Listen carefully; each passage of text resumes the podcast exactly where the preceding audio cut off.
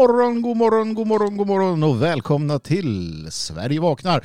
Avsnitt 368. Det är så fantastiskt många siffror efter varandra att man blir alldeles sjövild. Ja. I alla fall jag blir det här i studion. Och jag som pratar heter Magnus Söderman och jag ska sända det här eh, avsnitt 368 tillsammans med dig. Ja, det är ju herr Björn. Um, vad är det Ludvig brukar säga? Hans vapendragare som han brukar säga. Just det. Eh, Ja, vilket ju alltid brukar skapa en skön morgonstämning här. ja verkligen. verkligen. Ehm, Ludvig då undrar ni, var är han? Nej, inte ett dugg faktiskt. Ingen som undrar, okej då hoppar vi vidare omedelbart. Nej men han har väl, han har väl eh, något annat för sig misstänker jag eftersom jag står här och, och är någon form av eh, vapendragare till dig eh, Björn Björkqvist. Just det, just det. Så här på eh, morgonkvisten. Får se hur det här går va. Vi eh, Ja. har haft en hel del att göra. Eh, jag, är, jag är som vanligt rädd för ljuden framförallt. Inte ljuden. Alltså inte ljuden, alltså ljuden. LJ, ljuden. Ja, älgen. älgen, älgljuden. Så att eh, det här hörs bra till er alla. För att rätt vad det är så är det att det distar och härjar och sådär. Men jag tror att det är, ah, hur den är mina vänner som lyssnar, det låter som det låter. Och det får ni helt enkelt stå ut med. Ja, vi kom väl ändå på att vi är lite eh, miss... Vi misstänker lite grann att det inte är så många som lyssnar en dag som denna. Nej, det är ju, det är ju Kristi himmelfärd. Ja, Det är ju röd dag. då gör man ju andra saker. Man gör ju det. Men låt mig bara göra så här då. Att det är den 13 maj. Året är 2021. Det är 232 dagar kvar av året. Linnea och Linn har namnsdag. Mhm. Ja visst, känner du någon Linnea? Eh, Ja, det gör jag ju. Ja, har du gratulerat med tårta och kaffe och tromboner på sängen? Nej, jag har ingen hemma som heter så. Det spelar ingen roll.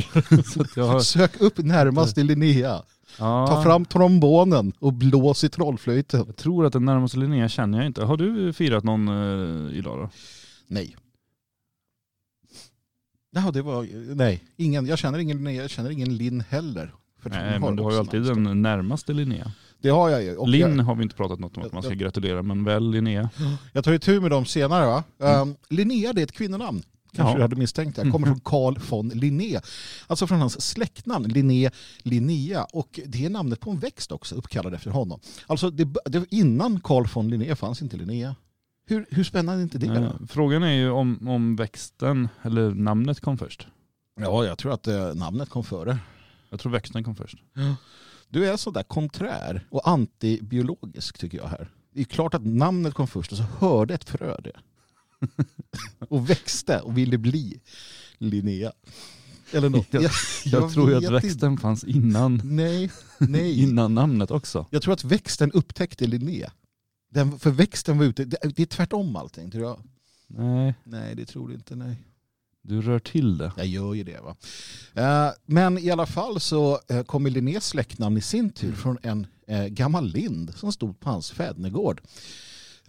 Så så fick vi lite kunskap där också. Han kunde lika gärna ha hetat Carl Carl- von Lind. Ja, eller Karl von Tall. Om det var en gammal tall.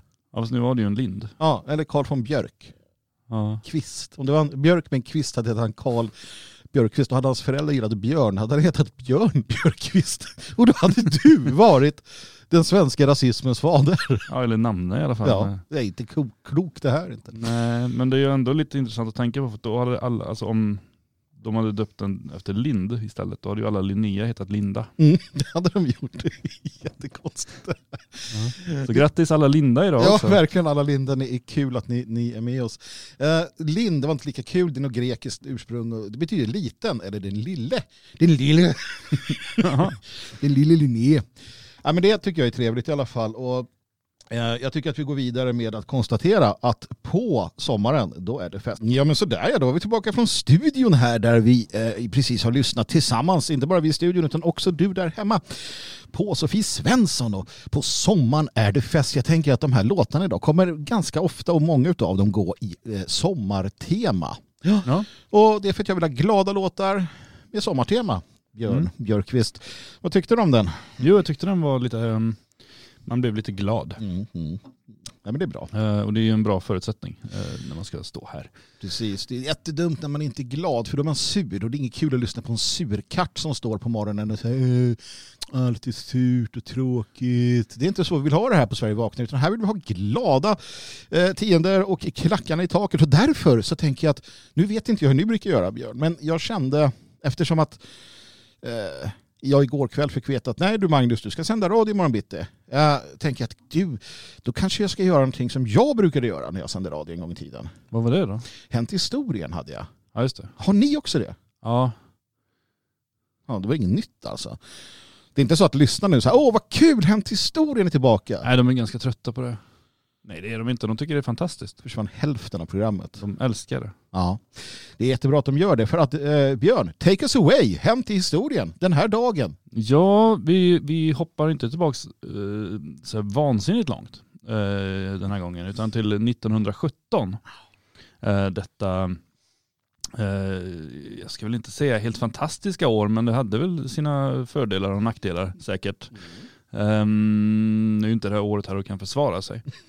Men eh, det var så här att Socialdemokraterna hade ju vuxit fram och blivit eh, starka och eh, stora på många sätt. Eh, men så fort någonting blir stort så uppkommer ju också vissa interna splittringar, slitningar, konflikter. Jag har märkt det, jag bara säger det, jag har märkt det hemma. Ja. För att jag är stor, Ja, och min son börjar bli stor, ja, och det är enorma konflikter om maten. Ja och det, det är inte bara maten, det kommer ju vara en, en kamp om utrymme. Det, det är ju en livsrum. Ja. Alltså, vi, vi, det är på liv och död här snart. Jag vet inte hur det här kommer sluta. Vi hade en gammal hund hemma Ja, eh, och sen så fick den en son som var en liten valp och det var ju den gamla hunden gick runt och bestämde och styrde. ja, ja. Och sen efter något år ungefär Mm. så utbröt ett enormt slagsmål på gården mellan dessa tvenne hundar. Som slutade med att den gamla hunden liksom fick lägga sig ner och, Nej. så här och bara titta upp så här lite undergivet. ja. Sen tog det en vecka så dog den. Ja. Den var liksom, ah, nu var det ingen mening. Nej, får man inte vara på topp, Nej. då är det inte värt det. Nej, så Men så tänker inte sossarna. Eh, nej, så, så gör de inte. Utan sossarna har ju en lite komplicerad eh, historia. Eh, sitt ursprung liksom ur marxistiska, kommunistiska manifestet och sådär. Eh, och det fanns det vissa inom Socialdemokraterna som tyckte att det här måste vi ändå ta fasta på. Ni har blivit lite, lite högersinnade, lite, mm, vad heter det, inte som en sås utan bo, bo, bourgeois, Bourgeoisie. Precis. Bourgeoisås. eh, precis. Jag tänker på mat, jag är Ja. hungrig. Ja, man, man gör ju det. Eh, de blir förbannade och tar med sig eh, Socialdemokratiska ungdomsförbundet och bryter sig ur Socialdemokraterna. De säger att det här går för sakta med, eh, alltså kommunismen är för långt bort fast Mm. vi har tagit makten. Eller typ tagit makten. Eh, så ehm, ja, man bryter sig ur och bildar eh, en organisation som, ehm, ja, jag såg någonstans vad den eh, hette från början. Sveriges socialdemokratiska vänsterparti, det byter sedermera namn till Sveriges kommunistiska parti och ja, alla möjliga sådana här eh, kombinationer. Idag så heter de Vänsterpartiet. Jaha, så det är de gamla bolsjevikerna alltså? Ja, och de i sin tur har splittrats flera gånger så att egent, alltså även typ kommunistiska partiet har ju sitt ursprung ur den här splittringen. Ja just det, de hette ju också tidigare då eh, kommunistiska Kommunist- partiet Marxist-Leninisterna Revolutionärerna. Innan det var det kommunistiska, så var det KFML. Eh, Kommunistiska förbundet, marxist-leninisterna, revolutionärerna och innan det, så, för det var ju en splittring inom eh, kommunistiska förbundet, marxist-leninisterna. just det ja. Som i sin tur då var en splittring ur vänster, ja, dåvarande Sveriges kommunistiska parti. Nils Flyg som var gammal nazist och kommunist. Ja. Va, han var också splittrad i det här va? Eller var han, Han- bara splittrad? Ja, han var splittrad, Ja. men han var också med i en runda. Men Just den var tidigare, den var ju på, på 30-talet. Mhm, precis, de har hållit på det här med, med det här länge kan jag säga. Så jag kan också säga att eh, nazisterna i Tyskland, nationalsocialisterna, Mm. de hade två samarbetspartner tänkta i händelse av att de var tvungna att prata med Sverige allvarligt. Mm. Det ena, det var eh, bondeförbundet, som man tyckte det här är bra killar och tjejer. Ja. Det andra var Nils Flyg. Ja, just det. Socialistiska partiet. De svenska nationalsocialisterna var inte tilltänkta som samarbetspartners. Nej, de var inte intressanta. Var, var inte även eh, SNF Ja, det kan nog stämma. intressanta? Det, det kan nog stämma även SNF, alltså Sveriges nationella förbund. Förbund. Ja. Precis. Och det i sin tur var ju en utbrytning För vi kan vi också. från dåvarande högerpartiet. Precis. Glöm inte att, att nationella är minst lika duktiga på att splittras. Ja, så att det här ska de inte ta på sig helt Nej, själva. Utan eh, och vi kan bara skratta halvvägs. Mm, För att annars får vi skratta oss själva. Vi kan skratta högt och ljudligt när det gäller de andra. Ja. Sen kan vi titta tillbaks. Och, men vi kan också ställa oss på, på um,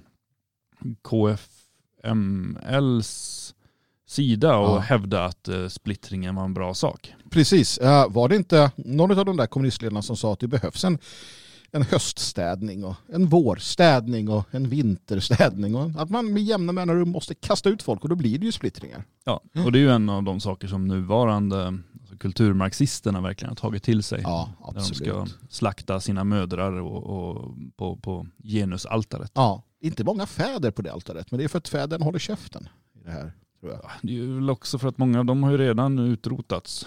Liksom. Tidigare konflikter. Sant, sant. Och som det står här i, i chatten, det finns ju en chatt på Telegram va? där man kan chatta. Jaha. Eh, och där står det ju, eh, det här är ett citat från mig, den nationella rörelsen Mm, är inte splittrad. just det. För att, och det var med den logiken, för jag hade en viss logik i det när jag sa det, det var ju för att den, jag var ju den nationella rörelsen. Va? Precis. Ja. Du var inte splittrad. Nej, jag var inte splittrad. Nej, Så att, Nej det eh, var ju, hela det talet kan man ju säga illustrerar ju mycket av det vi pratar om. ja, ja det, kan man, det kan man lugnt säga. Va? Ja, ja, men det var väl kul ändå att de, eh, att de splittrades. Ja, och det, alltså, det, det har ju med tiden gett sina fördelar. Så Ingvar Carlsson kunde ju med ganska bra trovärdighet stå och tala om att han inte tyckte om kommunister till exempel. Ja. Eftersom att eh, kommunisterna hade ju bildat ett eget parti. Ja.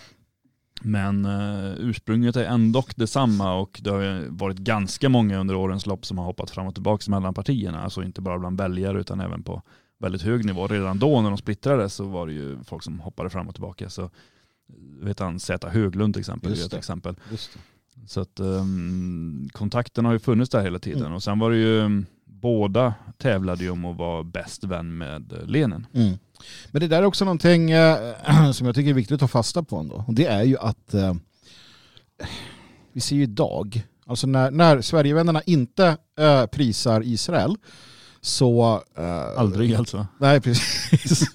nej, men då, då ägnar de sig mest åt att säga att socialdemokratin är de riktiga fascisterna och socialdemokratin är nazister. Mm. Och det är så vansinnigt dumt har vi sagt många gånger för att de är kommunister. Alltså det, det- de är Nej, de är inte nationalsocialister. De är Nej. kommunister, bolsjeviker. Ja. Ja, Sen alltså, kan man ju alltid hitta någon likhet och då kan man hålla hårt i den. precis. Jag vet inte varför de vill ge, liksom, ge någon form av carte blanche till, till kommunister. Jag tror att det är dumhet. Dumheten är grasserande i vår tid. Ja, nej, ja, dumhet och kanske framförallt okunnighet. Ja, ja. Vilket väl ofta vandrar hand i hand men inte nödvändigtvis. Sant. Men den har ju funnits genom historien, eh, dumheten alltså. Mm. Eh, till exempel alla de som kände att nej men, den här eh, Jim Jones, han känns som en kille jag vill följa. Sekter är ju fantastiska. Jag, jag, jag tänker så här, rent generellt. Om du är med i en organisation Mm. där ledaren säger sig prata med Gud, Mm. eh, så här på daglig basis. Mm. Ja. Inte veckovis som du. Nej, inte veckovis. det har inte Gud tid med, utan Nej. daglig basis. Ja. Och att det mesta Gud säger till honom verkar hjälpa honom, alltså ledaren. Typ, Just det. han ska få ta din, dina fruar, eller din fru, eller fruar beroende på vilken sekt det är. Ja. Eller du ska typ slavarbeta åt honom och ge han din fru och din dotter som han kan få göra vad han vill med. Där någonstans så borde folk säga nej, nej, jag kan inte gå med på det här. Ja. Men det gör de sällan va? när de väl är inne i det här. Och det vi ska prata om är James Warren Jim Jones som föds den här dagen i historien 1931 i Indiana, USA. Och han blir sedermera eh, mest känd för mannen som eh, ledde sina följare till ett självmord i Guyanas djungler eh, några årtionden senare som ledare för Folkets tempel, alltså People's Temple. Och, och det här brukar ju pratas om en sån här eh, sekternas sekt och eh, man använder den gärna för att kasta skit på religion och sådär. Ja, det får man väl göra om man vill. Men det som är mest intressant med den här uh, sekten då, People's Temple, äh, den blandar alltså, äh, religiositet, kristendom, naturligtvis judekristendom och, och, och framför allt kommunism. Alltså det är en kommunistisk religiös sekt. Den, den börjar som någon form av kristen, jag vet inte vad, med med idéer om så här social rättvisa och, och ja, men sociala justice warriors och, och, och medborgarrättskamp och rasblandning och hela den där konkarongen. Då. Mm. Och, och det här hände då på 50-60-talet naturligtvis. Uh, och, och de går i bräschen för detta. Uh, men ju längre tiden går så blir ju också Jim Jones mer och mer liksom galen. Uh, han var nog galen från början, de tenderar att vara den här typen av människor. Um, och, och i allt mer... eh, Ofta växer ju galenheten säga, Precis, den- i, takt med inflytandet. Alltså om du är galen och sen så är det en massa människor som hela tiden säger hur duktig du är och Ja. åh du är så duktig, ofelbar och du får synas överallt och de, de, de, de tar dina fighter om någon säger emot dig så finns de där nej nej nej han är så här jättebra och, och han är bäst och, och inte bara så här men det är en bra kille utan han är verkligen bäst och bär dem på sina axlar och jag var ingenting innan honom och sådär det är ju sjuka relationer. Va? Mm. Undvik gärna dem. Gjorde man inte här, slutade i Guyanas djungler. Alltså det som händer är att, att Jim Jones då tar sin flock till sist efter att ha bråkat med amerikanska staten jättelänge. Han tar sin flock och tänker vi drar till Guyana. Ja. Och där bygger vi ett, ett eh, paradis. De gillar ju att bygga paradis kommunister va? Ja, Uh, gick inte så bra. alltså, det kan man ju inte tro. Nej, man, man, man kan tänka sig att- det skulle göra det. Eh, nej, men han, han flyttar dit då och eh, den, eh, ja, alltså den 18 november eh, 1978 så dricker man då tillsammans och i samråden en, trevlig liten dryck. Eh, ja, bestående av typ Kool-Aid och jag vet inte, cyana, Cy- cyan, cyanid heter det. Är det inte att man även går runt och skjuter de som inte dricker? Jo, precis. Man har lojala soldater som skjuter de som inte dricker. För att, och det här finns inspelat när han, när han sitter där och mässar. They are coming in the jungles, they are coming with flamethrowers, drink, drink, drink the wine. Ja. Typ. Um, och sådär. Uh, otroligt obehagligt. Det finns, en finns flera bra dokumentärer om det här. Mm. Jag tycker att det är värt att studera. För att mycket sånt här går också igen i den galna tid vi lever i, tycker jag. Då. Eh, det sägs eh, att Jim Jones hade att göra med CIA. Det sägs alltid att de har att göra med CIA. Jo. Uh, vilket i sig inte behöver vara ovanligt. Alltså den amerikanska säkerhetstjänsten hade jättemycket aktiviteter under den här tiden i USAs historia, 60-talet, 70-talet, du, du har Cointel Pro, du har en massa sådana här program. Men det kan också bara varit en galen jävel som eh, omfamnade kommunismen. Och vi vet ju där att ledarna ska alltid berika sig och följarna ska göra som de blir tillsagda. Klär dig i religiös skrud eh, och en dåre så får du Jim Jones och eh, People's eh, Temple. Mm. Mm. Bara att gratulera dem. Precis, grattis på Jim Jones födelsedag. Ja. Berätta om 13 maj-kuppen i Algeriet. Björn Björkqvist. ja, det ska jag göra. Jag ska um, även... Eh, lite taskigt det där va? För ja. att, eh, du, du även, uh, tänkte jag bara nämna här, först lite i förbifarten, sen blir det din tur igen. ja, Eh, att, att det är ju även Carl von Linnés födelsedag idag. Det är därför Just. Linnea har namnsdag. Är det ju. Just det, den eh, 13 maj, majkuppen där i Frankrike. just det. Vad hände där Magnus? Jo, vi ska inte stanna så länge vid det där. Alltså först och främst så här. Hela, hela eh, historien kring när Frankrike överger eh, Algeriet, den franska kolonin Algeriet, den är, den är intressant. Eh, Algeriet är alltså en fransk koloni och, och eh, man bestämmer sig för att nej, vi ska inte ha den så att vi skiter i alla fransmän som bor där och drar därifrån i princip. Mm.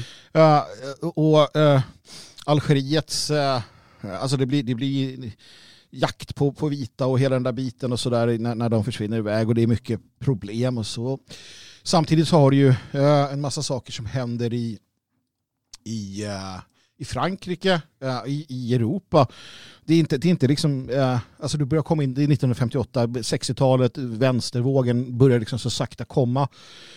Ganska stark i, i Frankrike där den kommer rulla vidare under hela 60-talet fram till 68 där man tror att det blir revolutioner och sådär. Du har Charles de Gaulle um, som, som strider om makten och så vidare. Det är mycket som händer och i det här händer då det här i Algeriet. Och det intressanta tycker jag det är att det är, att, eh, det är ett antal generaler eh, som blir jävligt trötta på vad, vad regeringen pysslar med hemma i Paris. Så de, eh, ja, de, gör, de gör en kupp helt enkelt. Mm. De kuppar på olika sätt och vis där för att de vill då tillsätta Charles de Gaulle som, som president, republikens president. De Gaulle själv säger att han är beredd att ställa upp så att han, han ger ju den här kuppen lite sitt, ja, sin, sin, eh, sitt godkännande. Och man eh, passar på att dra från Algeriet och invadera Korsika lite snabbt eh, med, med fallskärmsjägare. Jag misstänker att legionen är inblandad i det här också. Du har sen andra händelser kring det här som, sedermera leder till att den fjärde republiken ehm, faller. Mm. Och Charles de Gaulle får möjlighet att träda fram och så vidare. Och i det här Ja, han kommer ju fortsätta svika Algeriet kan jag bara meddela. Och du kommer få framträdande eh, sådana som, som Roger de Guldrey och Deltatrupperna och eh, organisationssekretär någonting, någonting, USA eh, som, som kämpar för, för, för fransmännen i Algeriet. Men ja, som det brukar bli så slutar det med att de överger då sin koloni. Eh, så att det, det intressanta är att det, det är ändå i närtid, 1958, tycker jag. Eh, och det är en kupp mot en fransk president. Eh, François Mitterrand var emot det här. Han tyckte inte det var en bra idé, gamla sossen. Um, eller socialisten va. Men det jag vill liksom lyfta fram till idag det är att nu har ju, eh, nu har ju Macron fått ytterligare ett brev underskrivet av en halv miljon fransmän Mm. och flera hundra generaler som säger vi är på väg mot raskrig Ja. i Frankrike. Det här är det tredje brevet i ordningen. Eh, det, det kokar, alltså ofta tänker man på Frankrike som de äter grodor och låter lite bögiga. Ja, Fast också att de är jävligt arga och protesterar väldigt Precis. De kan begå statskupper 1958. mycket. Mm. Det är, inte, det är typ nordirländarna som är lika tokiga. Mm. Så att i, i, Ja, i de den som håller på att protestera nu, många av dem växte ju upp med det här. Alltså i, Precis. inte bara i färskt minne utan när det hände. Ja, precis. Så att eh, man, man, man har från den franska regeringens sida, du har Indokina som man svek, eh, ännu en koloni, man svek Algeriet. Och nu sviker man liksom eh, hemma vid. Mm. Och det är många som är väldigt arga. Och jag tror att det är värt att ha i åtanke att eh, de har tidigare faktiskt gjort, eh, gjort något åt det. Sen kanske inte utfallet alla gånger blev jättebra, men ja, så, eh, så är det i alla fall. Läs på om det där helt enkelt. Nu blir det musik. Kommer, kommer bli musik. Ja, Kommer bli musik. Alldeles snart. det är någon som skriker här om Ja. musik. Nej men precis. Eh, sitt du i din ekokammare och skrik om musik. Det kommer musik. För nu ska vi prata om Ben Carlin. Ja. Ah, det här tycker jag är kul. Ben Carlin. Eh, han eh, han eh, Kanadensare var han. var kanadensare. Och, Rökare. ja. Men vad är han mest känd för? Det var inte något av de två va? Nej. Nej, eh, det var det ju inte. Utan det var ju att han ehm, var först i världen med att ta sig jorden runt med ett eh, eh, amfibiefordon. Jag tror det är jättekonstigt. Jo, för det är en sån där fyrkantig grej med hjul, typ. Och så en bil som flyter. Men jag undrar om inte han typ var sist i världen med det också. Eller? Ja, ja, ingen annan kommer på idén att ja, men vi, vi gör som Ben Carlin. Vi, vi åker Det kan ju inte varit någon bara, jag ska bli näst först. Nej, det vore jättekonstigt. Ja. Ja, men det är kul. Det finns eh, roliga och tokiga människor. Det är den här faustiska anden. Kan jag göra det här? Jag gör det. Jag testar. Det får gå som du vill. Ja men det är ju stenhårt. Ja. Det är det ju. Det är det. Du, Björn, du sa att du vill ha musik. Inte bara du, utan de skriker om det i chatten. Ge oss musik. Vi är så trötta på era hemska stämmor. Era avskum till programledare. Ja, det är så ni tänker. Vi vet. Eh, det kommer musik. Och, och vad är det vi ska lyssna på? Varför? Frågar du mig det? Jag frågar dig det. Ja. Har inte du koll på det? Det står ju där i show notesen. Ja, jag, är så van vid att Ludvig bara sätter på saker. Nej, här sätts det inte bara på saker. kommer vi Men Ludvig är sån. Jag, jag håller inte på att sätta på saker hur kommer vi överens om så här att här ska vi spela, Nej. sen spelar han någonting annat. Här är vi inte överens. Eh, överens. då blir det logdans tycker jag med eh, Lasse Berghagen. Precis, och varför blir det det? Jo, det blir det för att Lasse Berghagen har födelsedag idag. Mm. Lasse Berghagen, den gamle frimuren. Logdans. Och här kommer den. Logdans. Björn Björkqvist, är det någonting du brukar pyssla och ägna dig åt så här på Kristi himmelfärdsdagen? ja, inte, nej det brukar jag inte göra. Framförallt inte på, på den här dagen. Då tycker jag att man ska... Vad brukar man göra den här dagen egentligen? Jag vet inte, man... eh, Man... eh, man eh, ja, jag vet inte, jag är så sekulär och, och jag är inte traditionell alls. så Jag har ingen aning vad man gör på en sån dag som denna. Nej. Faktiskt, men jag vet en sak. Aha. Ja, och det är att du är ett själ. Har du tänkt på det? Att du är ett själ. Björn Björkqvist är ett själ. Ett vägskäl. Ett vägskäl, det är en bok du har skrivit. Nej, den heter Vägvalet. Va? Ja. Nej, men du är ett skäl till att prenumerera på en eh, tidskrift. ja, just det. Just det, vad heter den då? Den heter Nationalisten. Nationalisten finns på eh, www.nationalisten.se. Ja, just det. Fast vi- W, alltså Ja, alltså- www. Om man vill ha eh, en fysisk tidning så får man ju vackert prenumer- eller beställa den eller prenumerera. Absolut. Och det kan man göra via den adressen göra. naturligtvis. Ja. Men vill man ha den bara mentalt höll jag på att säga, men, men eh, elektroniskt, Ja. då kan man ju lösa det också. Ja, varför man nu skulle vilja det, ja, när den finns på papper. Liksom. Nej, papper är ju det det är ju onödigt. Papper är bäst, Björn Björkqvist. Papper Vad händer i den tidningen då? Ja, där händer det jättemycket. Vi har i senaste numret ett eh, nummer som handlar om folkutbytet. Vi gräver i detta hemska, den demografiska förändringen och alla dumheter som kommer där. Det är ett tema varje nummer, men eh, allt som ofta så skriver våra skribenter om lite allt annat. Och det är bra det också. Ja. Hittills Mm. på typ 15 nummer så har vi inte fått ett nummer där det har krockat utan det är en massa intressanta och ovanliga och vanliga tagningar på ämnen som kommer Fram till nu, fram till nu. Precis. säkert fortsättningsvis också.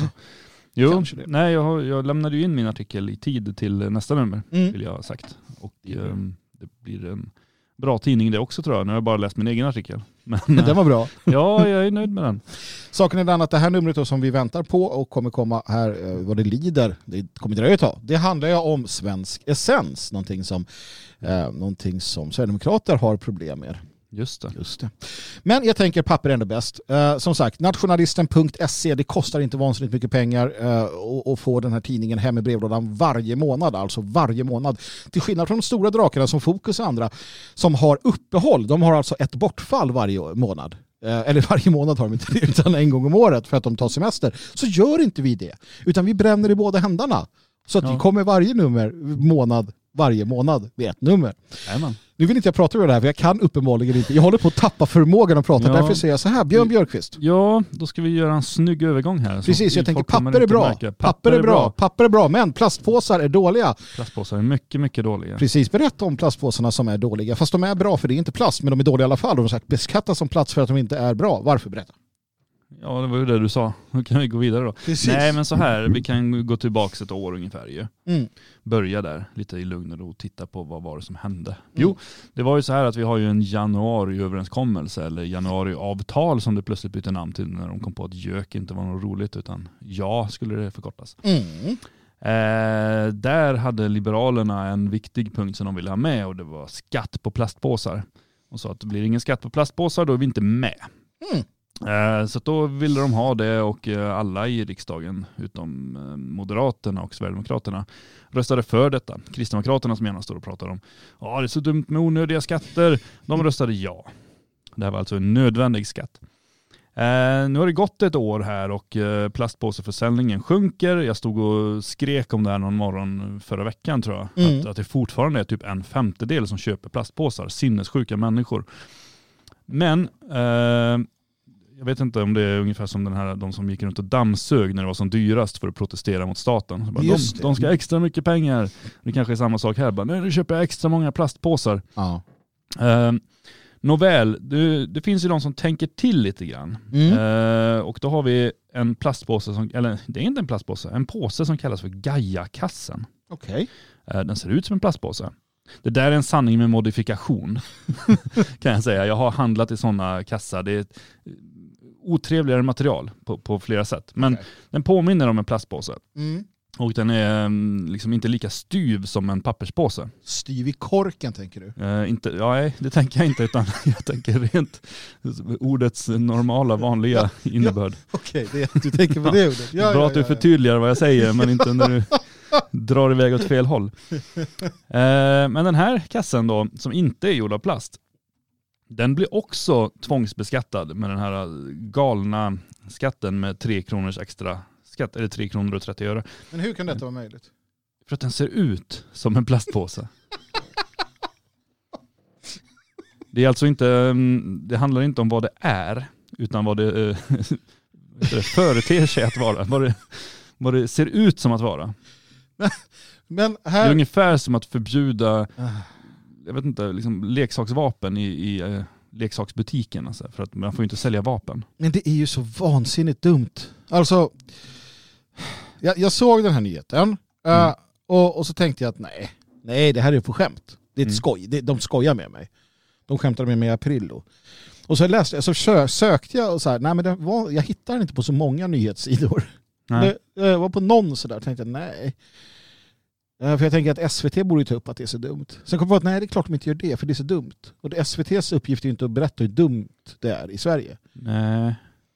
Men det har väl ändå nämnts i ganska många medier eller? Eller är det bara min bubbla som sprider de Ja, länkarna ja som det, finns? det är möjligt, jag vet inte. Jag upplevde det i alla fall inte som det. Men, men sen läste jag det och sen tänkte jag, nej men det är ju så. Det är ju så här att, att påsen ser ut som en plastpåse. Mm. Och därför ska den beskattas som en plastpåse.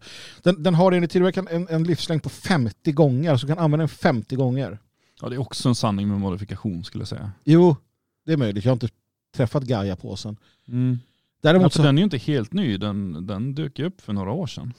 Okej. Den kanske har utvecklats och blivit bättre, men för jag, jag handlade med en sån eh, för några år sedan och Mm. den, den jag tyckte jag upplevde en sämre kvalitet. Dessutom var den då dyrare än vanliga plastpåsar, men miljövänlig. Så jag tänkte jag provar en sån. Ja. Men ehm, nu är den både dyrare att tillverka och eh, dyrare, eller ja, bes- tvångsbeskattad då. Så, så nu kommer jag ju inte köpa någon sån.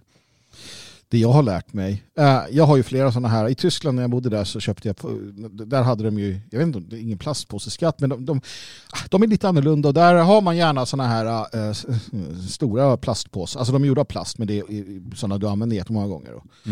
Så jag har massa sådana hemma och jag tycker det är bra att köpa plastpåsar. Ja men det gjorde jag ju för att då får jag en soppåse också. Det tyckte jag var lämpligt. Eh, det man har sett nu är ju att soppåsarna säljs ju jättemycket mer utav. Mm. Um, Medan plastpåsarna är borta. Jag tycker det har varit bättre att ha kvar plastpåsarna och använt som soppåsar som man gjorde en gång Ja. i tiden. Jo men det, det måste ju ändå slängas i något ju. Ja, precis. och, och, då slängs det i plastpåsar. Mm. Och varför då inte ha plastpåsar? Utan nu har man så här mindre plast. Så Har du tänkt på det? De här soppåsarna. De är ju inte sådär bra, stora. Alltså man tar upp dem och så går rasar botten ur. Mm. För att man la, blandade en massa i den. Så de skars sönder. Det är möjligt. Jag vet inte, jag bodde ju i Borås tidigare. Mm. Och där delar ju kommunen ut soppåsar till alla människor. Ehm, vita och svarta påsar.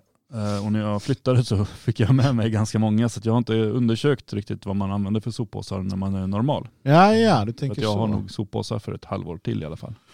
Och det är bra. Det är bra i sig att ha det. Nej, sen så är det ju sådana här uppenbara saker. Låt oss ta bara en uppenbar tagning på plastpåseproblemet. Uh, ett, i Sverige så slänger vi inte plastpåsar i naturen. Alltså det här har noll effekt. Noll effekt, Ja. vågar jag hävda. Medan man i andra länder slänger plastpåsar i naturen. Mm. Eh, där har man inte heller förbud mot plastpåsar. Eh, det är det ena. Det andra det är att det är ett stort problem numera. Det är att munskydd slängs överallt. Eh, inte i Sverige, för här slänger vi inte saker i naturen. Det har vi lärt oss. Men i andra Ja. länder. Så att, alltså netto, brutto, sak samma. Det är bara skit. För att de vill ju inte, det är ju inte miljön det handlar om. Alltså, det, det är ju något annat. Ja men för, för Liberalerna var det ju säkert någon form av godhetssignalering när de kom dragande med det här. Eh, sen har det blivit så här smidigt så att eh, Miljöpartiet har ju fått skulden för dem. Och visst, de röstade ja så det kan de gott ha. Men det blir lite så lustigt när man tittar på typ Twitter när liberal, liberalers företrädare Mm. går ut och liksom ah, Miljöpartiet, va, nu har ni skatt på det Ja, här. precis. Va, ju, Eller kristdemokrater går ut och gnäller när de röstade för det.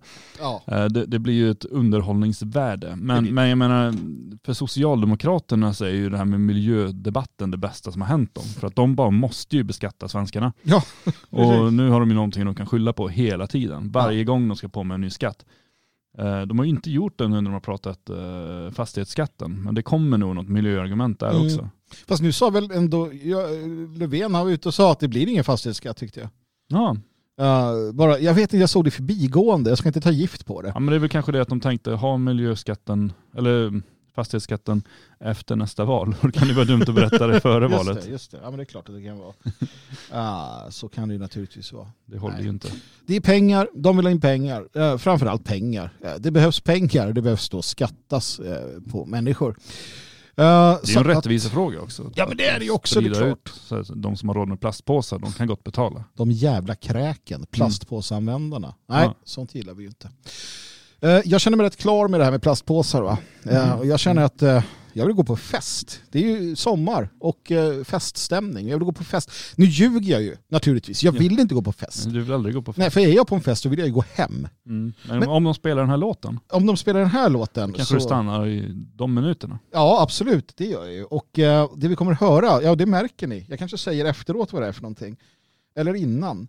Eller efteråt. Vi får se när, när, Mitt i kanske? när festen börjar. Jag undrar vad en hönsafest är för någonting och för att berätta för oss vad en hönsafest är så har vi bjudit in en expert på höns och fest. Och det är alltså eh, det Fria Sveriges ordförande Dan Eriksson. Välkommen, berätta vad är en hönsafest? Eh, tack så mycket. Det här är ju ett ämne som ligger mig kärt om hjärtat. Eh, det är ju när det är dags att slakta. Så eh, äter man höns och har fest. Vi har alltså försökt få in Dan här för varje ämne vi ska prata om, men sen sa vi att nu blir det prat om hönsafest och då, ja, då rusar han in i Men alla andra är så känsliga, jag vill inte polarisera. Nej. Jag försökte strax över, efter klockan ett i natt att inte polarisera på Twitter genom att skriva om Israel-Palestina-konflikten. Ja, ah, då tar vi den frågan nu. det är svårt att inte polarisera när man pratar om den. Ja det är det. det är ju... Och för dig kommer det här bli jobbigt Björn, med tanke på att du lever ju på donationer från människor som älskar Israel. Ja, lite så är det. Inte, inte uteslutande, men delvis. Jag försöker ju undvika de känsliga frågorna på min YouTube-kanal. Utan där... Det är inte för att du inte vill bli avstängd, utan det är för att dina judiska finansiärer inte ska bli arga. Ja, lite så. Lite så. Så tänker jag att då kan, är det jag, jobbigt nu? kan jag ägna mig åt min antisemitism här i radio istället, där det finns en ansvarig utgivare. Ja, han är inte här. Nej. Nej. Så det, det är så jag jobbar. Vad tycker du här om att man eh, slår sönder hem och driver ut familjer från deras bostäder och sånt? Är det något du är för eller emot? Uh, jag vet inte, kan man, kan man inta ställningen jag förnekar? det är inte människor menar du eller? Det är inte bostäder. är... Jag tycker att det är spännande så här för att just det här med polarisering. Mm. För om man då tar ställningen att det är inte okej okay att eh, med bulldozrar köra sönder folks hem och liksom expandera sitt livsutrymme på det sättet. Ja, men det, det, är liksom, det är moraliskt tvivelaktigt. Det är så här, vadå, har inte Israel rätt att existera? Som att de två sakerna inte kan liksom existera i samma universum. Att, alltså, teoretiskt sett borde väl Israel kunna få existera utan att man måste expandera in på världens mest trångbebodda yta eller världens mest trångbebodda land. Det som enligt vissa inte är ett land, alltså i Palestina. ja, men enligt, ja. ja. men det, det är också så argument, men det är inget land, det är inget folk, de finns inte. Nej, okej, okay. men det bor ju uppenbarligen några Vilka där. Vilka är de då? Alltså, nej men det där argumentet kan man ju börja med, för det där är ju så genomdömt. Alltså oavsett vad man tycker om alltså Israel och Palestina-konflikten så är det ju ändå bara, Palestina har aldrig funnits som land, så att det var okej okay att ta. Liksom, de bodde där. Alltså, ja, det är ju som att bara, ja men Frans... Skåne har aldrig funnits Precis, som land. fransmännen kan komma och ta Skåne. Det är helt okej, okay, för Skåne har aldrig varit ett eget land. Jaha. Ja, och... och... Men då blir, då blir det också så här, då får man gå tillbaka så här flera tusen år och så bara, men, men det bodde ju faktiskt fransmän där i Skåne Mm. för, för 3000 år sedan. Ja. Nej, men, då, men, men är, de, är de fransmännen släkt med dagens fransmän? Antagligen inte. Inte många av dem i alla fall. Men, men sen så är det ju också som att de som här som är, alltså, de som har en väldigt svart, svartvit inställning, vare sig det är 100% anti-Israel eller 100% pro-Israel, Mm. eh, det är också människor som inte verkar förstå liksom, konsekvenser utav den inställningen. Som om man då är 100% pro-Israel, Israel ska få liksom expandera hur mycket man vill, hela Eretz Israel liksom från det halva Syrien och upp till Ryssland liksom och så vidare. Um, om, ja, men det, liksom, det är deras rätt för att det, det, det, det tror de eller något. Um, och, men vad, konsekvensen av det är ju mass, mass, massinvandring till Europa. Mm. Och en jävla massa krig och ännu mer massinvandring till Europa. Mm. Man ser inte hur de här sakerna hänger ihop, utan man tänker då att nej, Israel ska få expandera, eh, de folk man expanderar liksom, och, och föser bort, de ska inte få göra motstånd. Och sen, vad, ska de, vad tänker man att de ska ta vägen då? De ska bara längre Alltså, österut. muslimerna har ju 50 andra länder. Just det. Det tycker jag så också är så bra. lugnt. Man bara, eh, ja men fan, eh, det pågår ju ett folkbyte här med svenskarna. Ja men de kristna har ju fan 80 länder. Kan vi Ja. bo i något av dem? Ja, så det är ju ingen fara. ingen fara på taket. Eh, Jag såg en fråga här på Twitter. Eh, Varför brinner Sverigevänner för Israel? Och då kommer Tommy Hansson in och förklarar. Eh, Sverigevänner är demokrater. De känner ett naturligt band med Mellanösterns enda demokrati. Det är ju det Ja. det handlar om. Nej, och, och jag tror nog att de flesta svenskar skulle känna sig mer hemma och bekväma i de judiska delarna av Israel än i Palestina. Mm. Alltså, jag, är rätt säker på att det påminner mer om, alltså det är inte så stor skillnad på Tel Aviv och Blasieholmen liksom.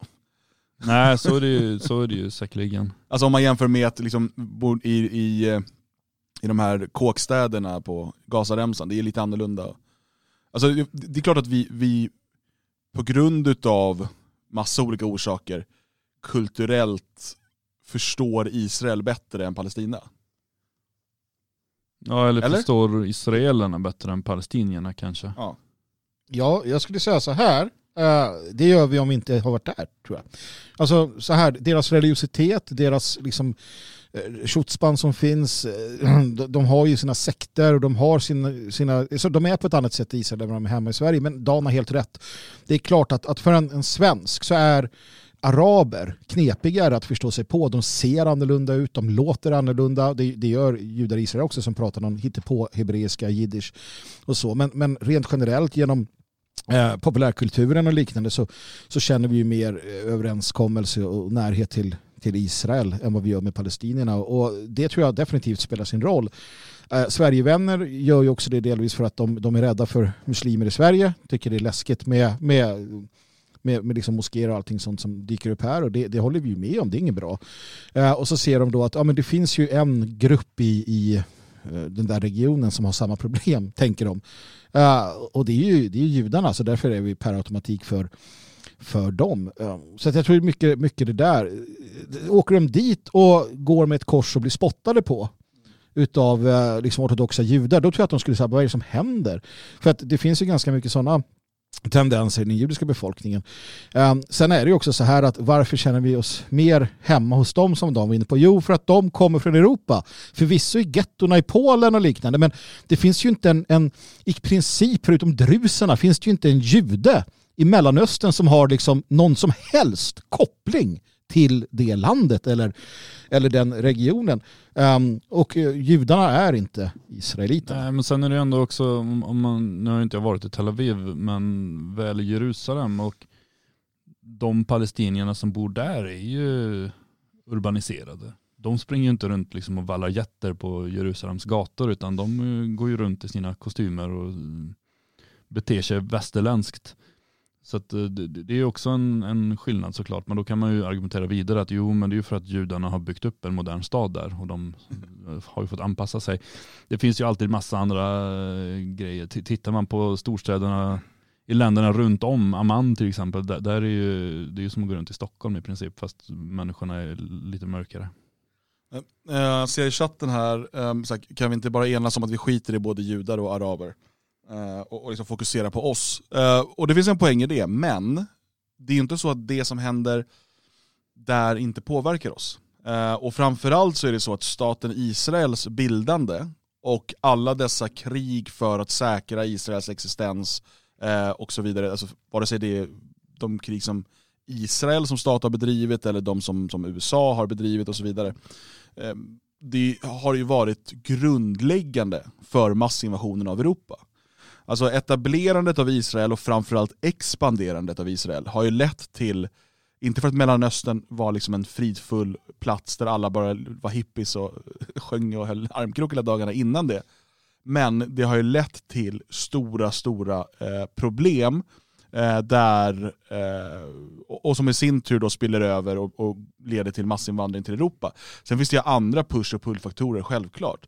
Men det påverkar oss. Det som händer där påverkar oss. Eh, kanske inte just den här, då de senaste dagarna att Israel ska expandera ytterligare och liksom mörda lite palestinier och eh, liksom, eh, bygga nya hus för judar. Just, just den här liksom, konflikten nu kanske inte kommer få jättestora konsekvenser för oss. Men den hänger ju ihop med väldigt många saker sedan 1948 och framåt som har fått otroliga konsekvenser för oss och därför kan vi inte helt ignorera det. Säg något smart. Nej men det var väl en bra punkt. Punkt. Ja. Ja, nej men vi säger väl punkt eh, om eh, Israel och Palestina för den här gången. Eh, kanske blir det en Nej men fast det gör vi inte fjärde heller tycker jag. intifada. Det tycker jag inte vi gör. Nej, det tycker jag inte heller vi gör. Nej, blir utan- det en fjärde intifada? Eh, ja, det tror jag. Eh, det, det tror jag absolut.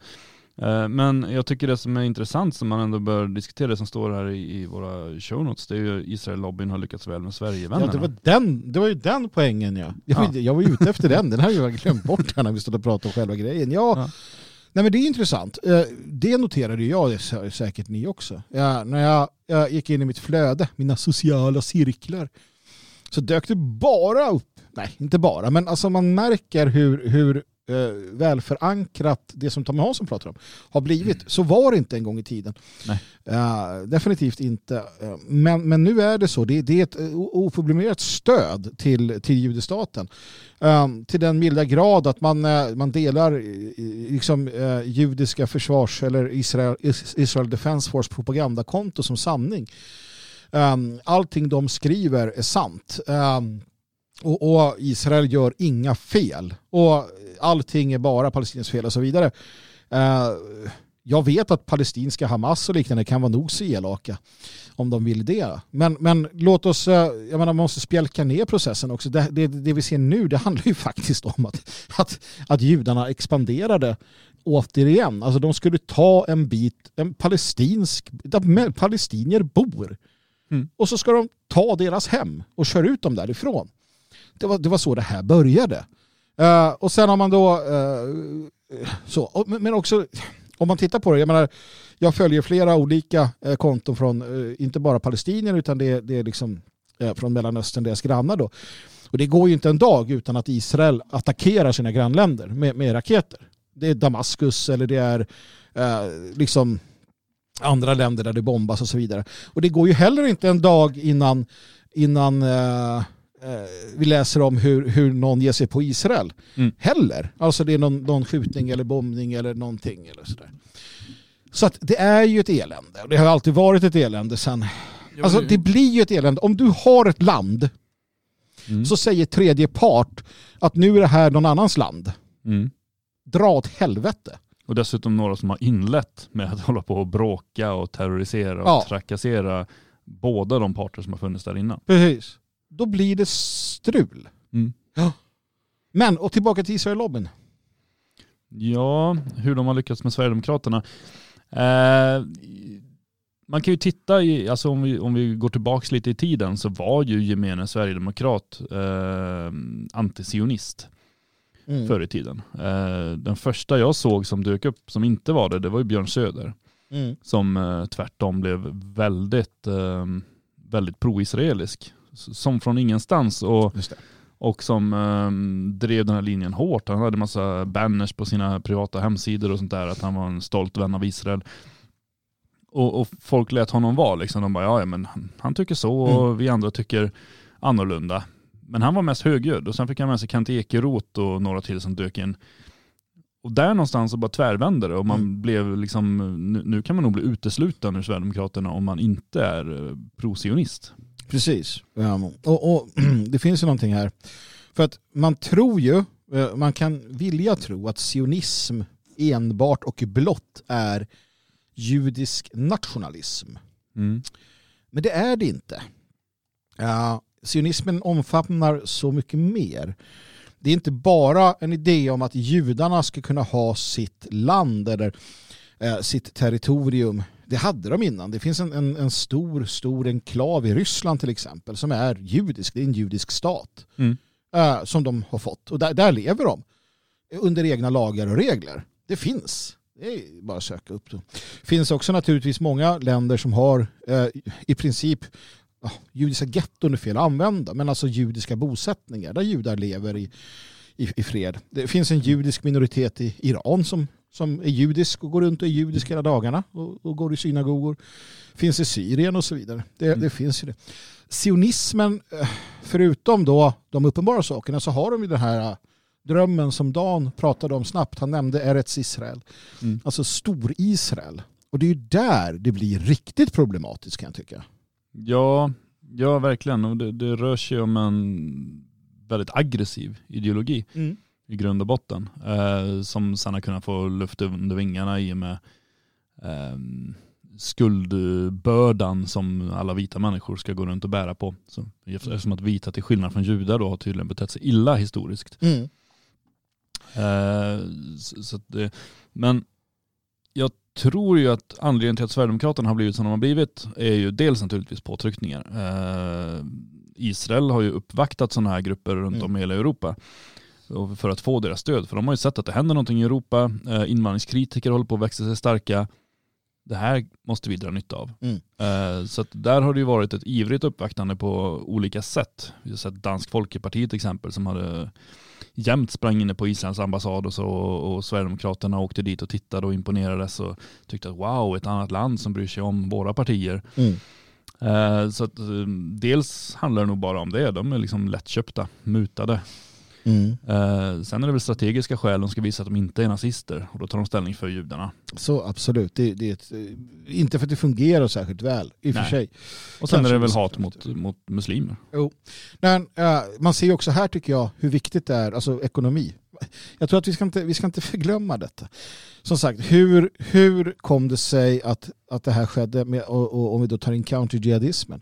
Hur kommer det sig att de blir så starka? Jo, det kommer sig av att vi, alltså etnonationalisterna som är eh, skeptiska till, minst sagt, sionismen och det som Israels maktpolitik i Mellanöstern som skapar invandring till Europa. Och deras undergrävande verksamhet i Sverige, Paideia och andra som säger att Sverige måste vara mångkulturellt, judarna ska göra Sverige mångkulturellt men etnostaten Israel ska vara vår tillflyktsort. Mm. Eh, vi har spelat upp i radion tidigare hur svenska judar som Aron Flam och andra, jag har för mig att det var Flam men också andra, sitter och säger att ja, men vi safear, vi, i Sverige så ska det vara mångkulturellt, vi vill ha en tillflyktsort, vi vill ha en judestat att resa till om det går åt skogen Mm. och så vidare. Hur kommer det sig att det blir så här? Jo, det är för att de hade pengar. Det hade inte vi.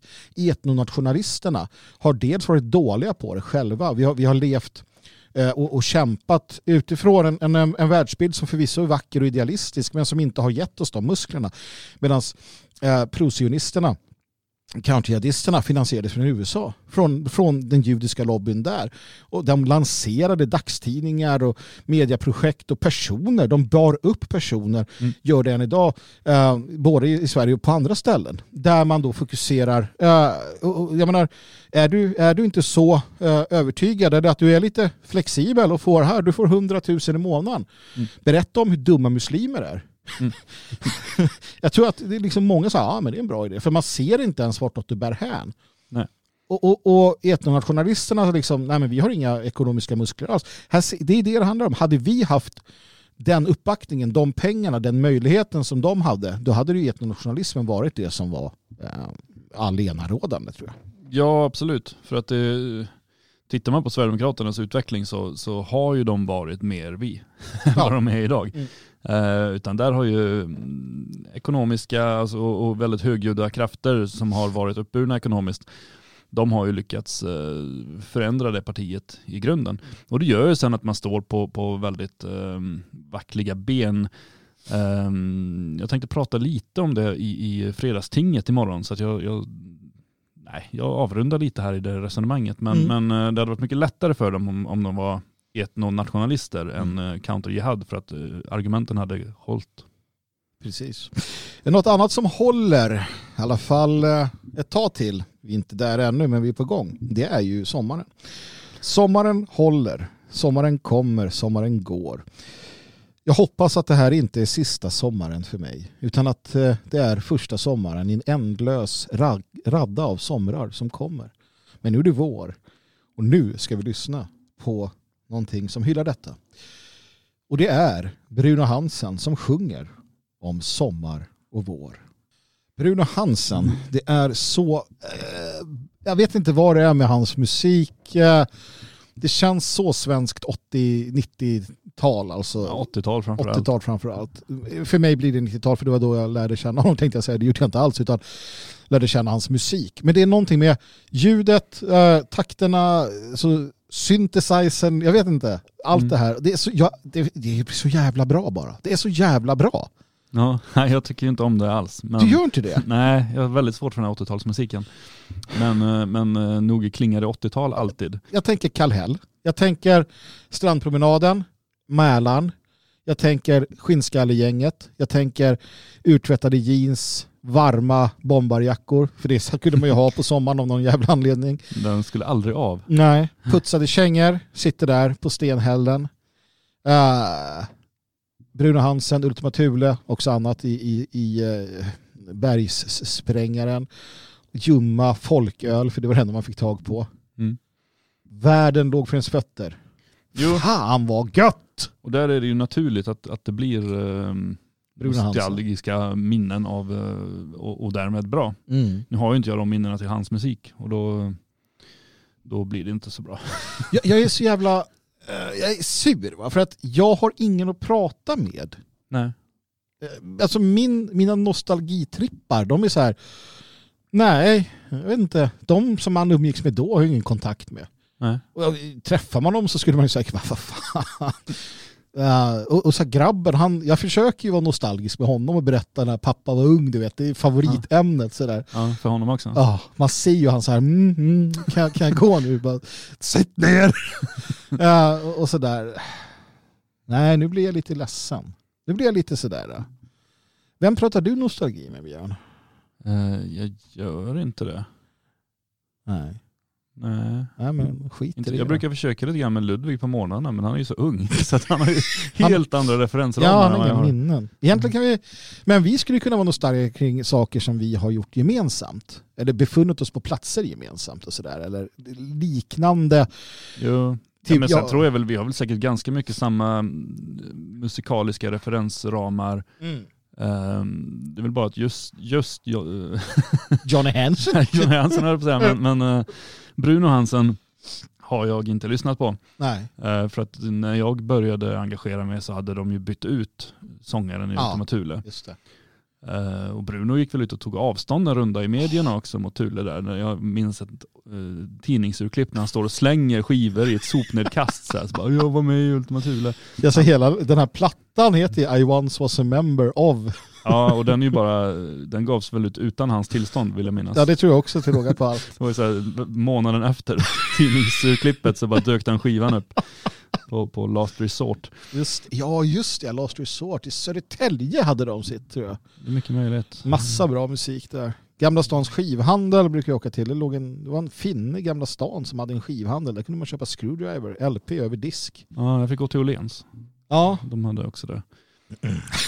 Jättekonstigt. Ja, sen när jag blev lite äldre, kunde börja, eller lite äldre, men när jag började kunna åka till Stockholm och så själv, Mm.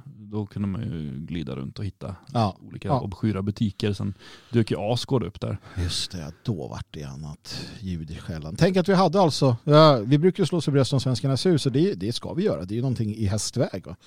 Men eh, det har ju funnits initiativ tidigare, du sa Asgård, eh, på, alltså ett stenkast, eh, bokstavligen, eh, från Medborgarplatsen i Stockholm.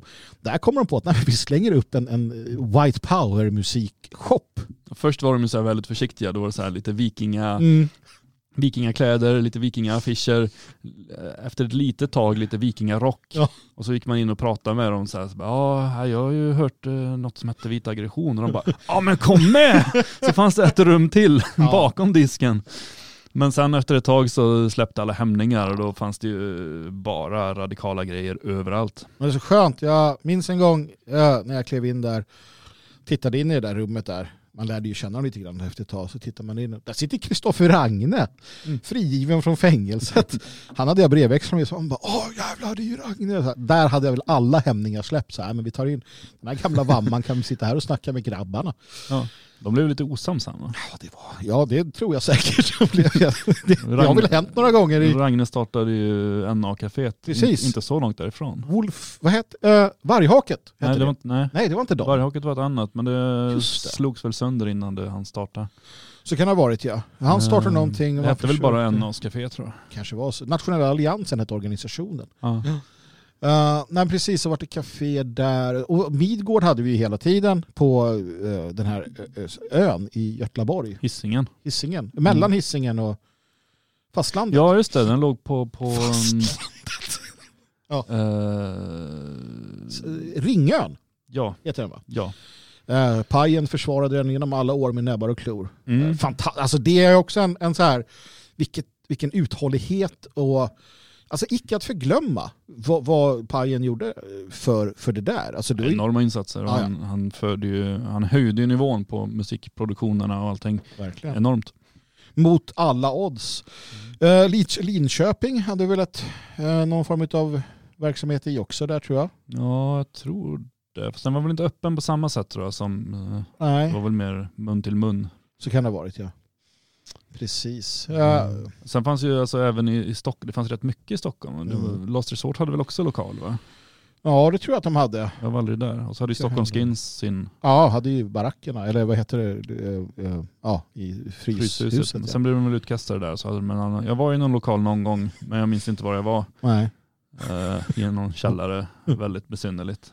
Jo, men vi hade, och sen hade vi lite källarlokaler här och där, hyrde något där och sådär. Och, och så så att, nej, men det, det har ju funnits initiativ, men det har aldrig funnits möjligheterna på det sättet som vi, vi har idag. Och det, det, vi kan ju inte jämföra Svenskarnas hus heller naturligtvis med, med den verksamheten. Men idéerna fanns och man gjorde det man kunde och det, det varit bra många gånger. Mm. Många gånger var det ju skitdåligt också. Och det liksom urartade till ja, men rena rövarnästen där man Mm. avsaknad av vuxna kanske. Ja, lite så, lite så. Eh, Någonting annat som inte har gått riktigt bra alla gånger det är ju metoo-kampanjerna. Mm, nej, den har ju gått riktigt dåligt. Eh, riktigt dåligt eh, gick det ju. Vi eh, har ju mötts av nyheten här förstår ni. Nyheten att, eh, ja, många män sattes ju, eh, ställdes ju, alltså blev anmälda och ställda inför skranket för att de skulle ha betett sig olämpligt, tafsat, våldtagit och gud vet vad de hade gjort va, med Mm. Eh, och de flesta blev väl mer eller mindre frikända Ja, vågar jag hävda. Och då hade de där männen också, många av dem, eh, de hade mage att anmäla kvinnorna som anmälde dem. mm. Eh, och sa att du har anmält mig falskt. Man får falsk anmälan typ, eller vad det heter. ja och det är väl även att, att vissa har väl anmält just det, det faktum att de har gått ut öppet och Ja, hängt ut dem precis. och sådär. Inte bara nöjt sig med en anmälan utan kvinnorna drogs ju med i den här Ja. kampanjyran. Det var liksom segertåg. Och då ville um, alla, ja, men jag har också, kolla den här killen och så Ja. hängde de ut eh, en del kända och en del helt okända män. När jag var 16, då var jag full och då låg han med mig. Det var en våldtäkt. Han är idag affärsledare eh, och politiker. Eh, han heter det här och det här och det här. Typ, ish. Mm. Och då den där affärsledaren så bara, eh, va? Okej, eh, jag anmäler dig. Du tokiga kvinna. Um, så att kvinnor har ställts inför skranket. Och männen som då blev, blev anmälda eh, blev i, i allt väsentligt frikända, i alla fall de, de stora namnen. Mm. Kvinnorna, hur har det gått för dem i de här rättegångarna? Det har inte gått lika bra för dem, eh, utan samtliga eh, som har ställts inför rätta har Mm. också fällts. Just det, de har alltså i lagens mening, nu pratar vi inte om vad som faktiskt har hänt, utan Nej. vi pratar om i lagens mening så har de ljugit. Eh, Nja, inte nödvändigtvis. I lagens mening så har de eh, drivit förtal. De har förtalat. Ja. Det har de gjort. Det har de gjort. Ja. Eh, men jag tror inte att domarna tar ställning till huruvida de har ljugit eller inte. Nej, det kan för, de för sig inte göra. för att det spelar väl i sammanhanget ingen roll. Precis som alltså med, med mycket sån lagstiftning att även om man säger saker som är sant så kan det vara förtal. Sant.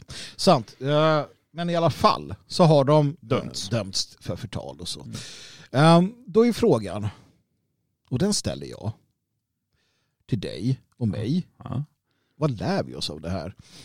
Eh, jag tänkte ju dra någon sån där att de bara ljuger. Men sen kom jag på att när du då sa att nej, de tar inte, nej okej, det kan vi inte säga. Så att det föll lite där, jag föll på eget grepp va. Det är som att träna judo med sig själv. Ja, ju- faller på eget grepp hela ja, tiden. eller ljud med någon annan som, som sabbar ens Ja, grepp. precis. Ja, och faller av, faller alla la. Men i alla fall så säger jag så här. Det är mycket dumheter kring metoo alltså. Verkligen. Ja.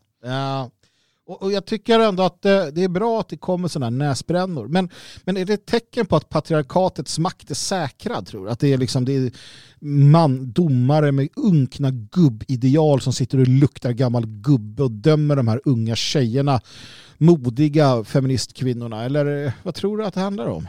Nej, men dels, ja, alltså kanske lite grann, fast inte eh, ändå. ja, nej, så kan det ju vara. jag, tänker, jag tänker, jag är bra på att inte svara för ändå får det låta som det.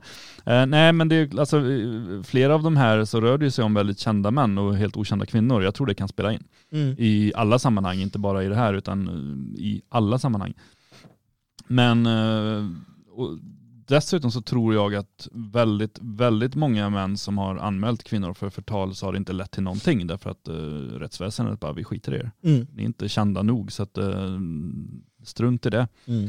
Uh, så jag tror inte alls att det är um, de flesta kvinnor har dömts utan um, men i de här fallen så har de ju definitivt dömts. Och det vi kan lära oss är ju att man kanske inte ska dras med i uh, sådana här galna kampanjer som dyker upp utan att man kanske ska blicka, liksom, kliva bak ett mm. steg och tänka efter. Är det här rimligt? Mm. Eh, är det rimligt att hänga ut den här människan? Precis. Alltså pöbel, och jag, jag är glad att pöbelvälde inte belönas. Mm. Eh, jag är ledsen om det är så att kvinnor har varit, råkat illa ut, äh, fått mod, tagit mod till sig, anmält mm. och sen på grund av att andra galna feministtanter bara massanmäler och beter sig, att de här andra kvinnorna då har hamnat i skymundan eller inte blivit trodda på. Det är för jävligt. Mm. Eh, och det har hänt, det är jag helt säker på. Definitivt. Eh, många kände att ah, men okej, nu, nu har jag en röst. Men som vanligt så var det aldrig det som feministkärringarna ville. De ville inte ge dig, du kvinna som har råkat illa ut en röst. Det vill vi. Nationalisterna vill det. Mm. Vi vill att du inte ska drabbas illa, vare sig av, av uh, det här eller annat. Um, men det är väl den stora lärdomen. Jag tycker att du, du slår huvudet på spiken där. Att, att, att inte lyckas med kanske att inte äh, bli en del av den här pöbeln utan att det finns andra sätt att jobba vidare på. Ja, men det är ju väldigt mycket från början i den här metoo-rörelsen som dök upp som blev väldigt, väldigt konstigt. Det bytte fokus väldigt snabbt. Ja. Eh, väldigt mycket sådana här grejer att eh, de upptäckte någonstans att det här är inte det fokuset vi vill ha för Nej. att vi vill eh, driva feminism. Mm. Vi, vill inte, vi är inte intresserade egentligen av sakfrågan och mm. enskilda offer och sånt. Uh, och, och, det är ju det man har fortsatt fokusera på egentligen. Liksom. Det, det är ju bara att flytta fram sina politiska positioner. Mm. Inte att uh, verkligen hjälpa utsatta kvinnor. Nej, precis. Ja, det, det är illa. Det kommer väl komma fler sådana här pöbelaktiga saker. Om du som kvinna känner att uh, du inte vill vara en del av det här, du känner att eh, den här typen av pöbelmentalitet, feminism, svekfullhet och elände det är inget för mig. Om du också känner att jag vill vara bland eh, människor och män som respekterar mig, som vill skydda eh, mig och som vill vara i en gemenskap där vi på riktigt bryr oss om varandra, då skulle jag vilja tipsa om Det fria Sverige. Föreningen för svenskar. Intresseföreningen för svenskar. Svenska män, svenska kvinnor och svenska barn naturligtvis. Eh, vi bryr oss på ett sätt som feministerna inte gör, som systemet inte gör. Vi försöker bygga något nytt. Vi försöker bygga någonting varaktigt över tid. Vi är inte ute efter pöbelmentalitet. Vi är ute efter att säkra vårt folks framtid, de fria svenskarnas framtid. Gå in på www.detfriasverige.se och titta om det kan vara så, kanske, att du eh, vill vara en del av det här. Jag hoppas att du är det. Hör av dig.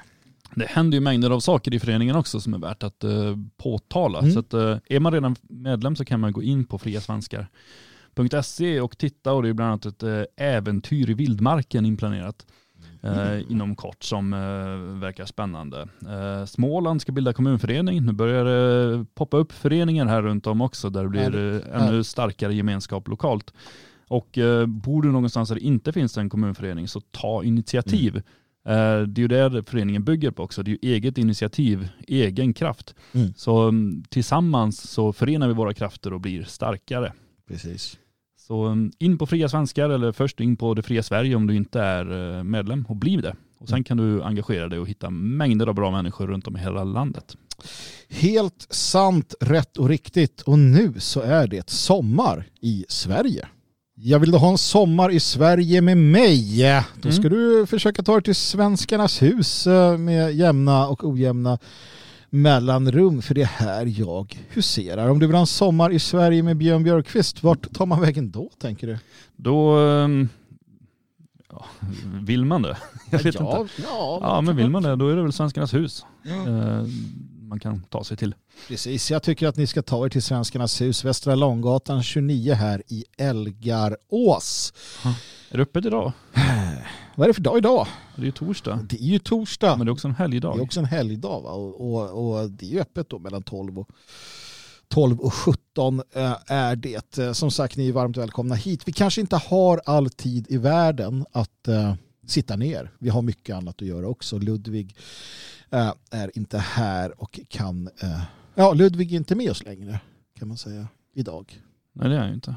inte, ja, Han är inte- Han stack igår. Stack som ett bi. Mm. Ja, du ser, jag kan ordvissa jag också alla ni i Göteborg. Var det en ordvits? Nej, det var inte en ordvits. Överhuvudtaget inte en ordvits. Nej. Men någonting som är lite vitsigt ändå, det Mm. är ju att eh, svenska polisen ska få ett eh, nytt vapen i sin Mm. arsenal, Björn Björkqvist. Det är värjan. Eh, nej det är det inte. Utan eh, nu ska de få elpistoler. Mm. Och det är ju inte sådana här som man kanske har haft när man var ung hemma i pojkrummet, en sån där du håller i handen och så här bzzt, trycker mot någon. Nej. inte sådana rackare, utan det här är ju Skjuta, skjuter trådar eller? skjuter trådar ja, som sätter sig i köttet på dig. Och sen så ger den dig då en jävla massa ström. Det är ju spännande. Ja det är det. det är Ja, det. ja, du- på gång, på ja, gång. Jo, men, Eh, några, några månader till så. precis. Det jag Eh. tänker med det här Björn, Mm. eh, du har ju blivit arresterad flera gånger. Mm. Jag har ju blivit tagen av polisen också. Och jag Mm. vill bara få det sagt. Ja. Men icke-dödliga vapen i polisens eh, arsenal. Bra eller dåligt? Ja, det där är inte helt lätt. Eh, problemet som kan uppstå det är, det är ju om de springer runt med väldigt många vapen. Ja. Här, eh, och i en väldigt stressad situation. Mm. Tänker att eh, alltså när, när man ska handla liksom på mindre än en sekund, det är liksom bråttom, det handlar om liv eller död. Eh, då är det kanske rätt lätt att tänka att man famlar efter elpistolen och istället får fram den vanliga pistolen. Ja, och då skjuter ihjäl en människa som man i vanliga fall kanske bara hade piskat med en batong. just det. Eh, och det du säger, det har ju hänt. Ja. Eh, hände i USA för inte så länge sedan. Ja. I ett, eh, ja, man kan säga att en, en motorist kommer i delo med polisen. Mm. Det blir handgemäng. Eh, nästan inte handgemäng. Alltså, det var inte alls en sådär vansinnigt farlig situation kan jag tycka när man tittar på det.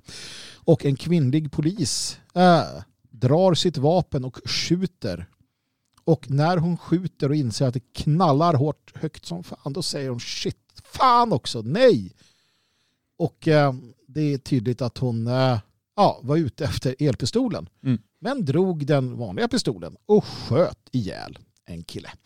Mm. Ehm, för att det är som du säger, jag, jag, är, jag blir bekymrad eh, av det här av flera skäl. Dels för att jag inte vill att svenska polisen, som blir allt sämre, Mm. eh, man har allt, alltså, lä, allt, allt lägre krav. Mm. Eh, slutar, alltså, det är som att så här beväpna, alltså det kan man inte göra eh, rent generellt. Eh, sådär. Men, men alltså, som du säger, i en pressad situation, om du har jättemånga val, Mm. hur ska du liksom kunna avgöra, är det batong, pepparspray, elpistol, pistol, MP5? För det är väl egentligen vad de har. Förstärkningsvapnet ligger för, för, förvisso oftast liksom på stationen eller i bilen, men låt oss säga det. Mm. Ja, du har fem val. Det är lätt att stå här och bara analysera situationen och fundera. Och, ja, Ja. Nej, men då ska man nog ta den här i den här situationen. Mm. Eh, Men när man väl är i en pressad situation så är det ju någonting annat. Och poliserna är ju också människor, många av dem lite sämre människor dessutom. Eh, och ska de då stå väldigt plötsligt och väldigt snabbt Mm. besluta sig för vad som är bäst. Eh, då är det nog bättre med två vapen. Mm. Alltså ett slagvapen och ett dödligt skjutvapen. Precis. Eh, alternativet är ju att ta bort det dödliga vapnet och bara ha elpistolen i så fall. Absolut. Eh, du är inne på någonting som jag gillar. Eh, du säger att poliser ofta är sämre människor. Idag ja, jag håller med. Eh, en gång i tiden så var de bra människor. Mm. I allt väsentligt. Då hade de ofta en, en sabel. Mm. Det var det de hade. Mm. Batong. Sen hade de pistol. Mm. En Walter PPK, en liten ärtbössa jämförelsevis med den Sig Sauer de springer omkring med idag vill jag minnas. Men saken är den att då gick det alldeles utmärkt. Fram tills ganska nyligen gick det alldeles utmärkt att ha två vapen. Ett dödligt och ett slagvapen. Sabeln var ett slagvapen också. Mm. Det var, du, kunde så slå, du kunde använda det som batong, lite beroende på vilken sida du använde. Mm. Eh, användes bland annat i raggarupploppen. Just det. Just det. Så här, Leif fick en sabel i nacken eller någonting sådär. Ja. Eh, stod det på en löpsedel då? Nej men så eh, tänker jag ju också. Eh, jag vill ju inte att svenska polisen generellt ska ha vapen, alltså dödliga vapen. I ett framtida fritt Sverige tycker jag definitivt inte att polisen ska vara beväpnad, men det är då det. Eh, jag ser ju hur det här kan urarta på många sätt. Eh, just det här, när ska man använda vad? Jag tror inte att de kommer klara av det. De har pepparspray. Mm. De har batong. Mm. De har pistol. Fan, räcker inte det liksom? Nej, jag menar, man ser ju redan nu hur de missbrukar pepparspray till Mm. exempel vid demonstrationer. Och man har ju varit med om det när polisen säckar in nationalister, låter vänstern stå och kasta sten eh, utan att det händer någonting. Man gör inga försök att mota bort dem utan man står instängd och får sten över sig. Några börjar få lite, lite panik och Ja. försöker ta sig ut och då kommer pepparsprayen fram. Precis. Vilket gör att folk dessutom inte ser någonting när det haglar sten över en. Ja. Ska de då dessutom stå med de här galna mm, vapnen som skjuter iväg trådar och, Ja. och börja skjuta på de som står längst fram medan andra står bakom och trycker på. Det kommer ju bli katastrof. Precis, precis. Ja, och, och jag menar kul att vara den som får det här i sig i ett sånt läge, ramlar ihop, tänker fotbollsmatcher och liknande också eller efteråt när det uppstår spända lägen och, och, och, och snutarna blir livrädda och börjar skjuta sådana här omkring sig. Mm. Folk ligger och darrar till höger och vänster och andra springer på dem, paniken blir total och sen börjar de skjuta ihjäl alla. Jag menar, det, Ja. ja, det är ju där, det är där det landar någonstans. Ja. Nej, jag litar inte alls på det. Jag tycker det är obehagligt. Och man väljer ju också, kan jag tänka, om du har att välja mellan batong och pistol, Mm. då, då har du det. Då, då, då är det ganska lätt, tror jag. Eller mycket, mycket lättare i alla fall. Ja. Men som du sa, varför inte ta bort skjutjärnet och bara ha elpistolen? Ja, ja men den, den fyller ju sin funktion i de flesta fall. Det, Ja. det är ju, um, jag vet inte om de står på långt avstånd och det pågår någon situation. Men, men då kan de ju ha ett vapen i bilen eller på något sätt som de kan få tillgång till men som Mm. inte är lätt, som de inte bär med sig i Nej. alla fall. Nej, precis. precis. Kan man ju tycka. Sen ser ju situationen ut som den gör. Vi, vi är ju på väg mot liksom favellorna, Brasilien, eh, USA, gängen. Alltså det, det blir ju farligare. Därför kommer polisen bli farligare. Jag såg att de har köpt in nya fordon igen. Eh, pansarbilar och liknande. Ah, men jag menar, hur rörliga blir de också med de här jävla bältena? Det kan man ju fråga sig. Nej, jag- Nej, men vi går ju mer och mer mot en militär polis på Mm. det sättet. Och det, är, det är ju också för, för att det bestämde vi ju efter Ådalen där att håller de sakerna isär. Precis. Men nu går vi mer och mer tillbaks. Det gör vi. Nej, jag vet inte, jag har inte så mycket mer att säga om det här. Jag skulle vilja lämna över ordet faktiskt. Eh, Om du inte har något att säga, Björn eh, Björkqvist, för det har du inte, eller? Nej. Nej. Då vill jag lämna över ordet till eh, någon annan som har en hel del att säga. Och jag tycker att det är dags att ni, era jävla mjäkpottor, lyssnar väldigt noga nu. För det här, det är livsvisdom. Nej, vi förtjänar ingen jul eller stol med jul, Björn, för du är inte, du är ful. Det är det du är. Ja, nu har inte jag påstått att jag har brutit benet heller. Nej. Men rullstol ska jag ha. Ja, Ola Aurell var det där alltså med elevhälsan i den Mm. versionen. Jag tycker bäst. Björn han gillar Charta 77-utgåvan.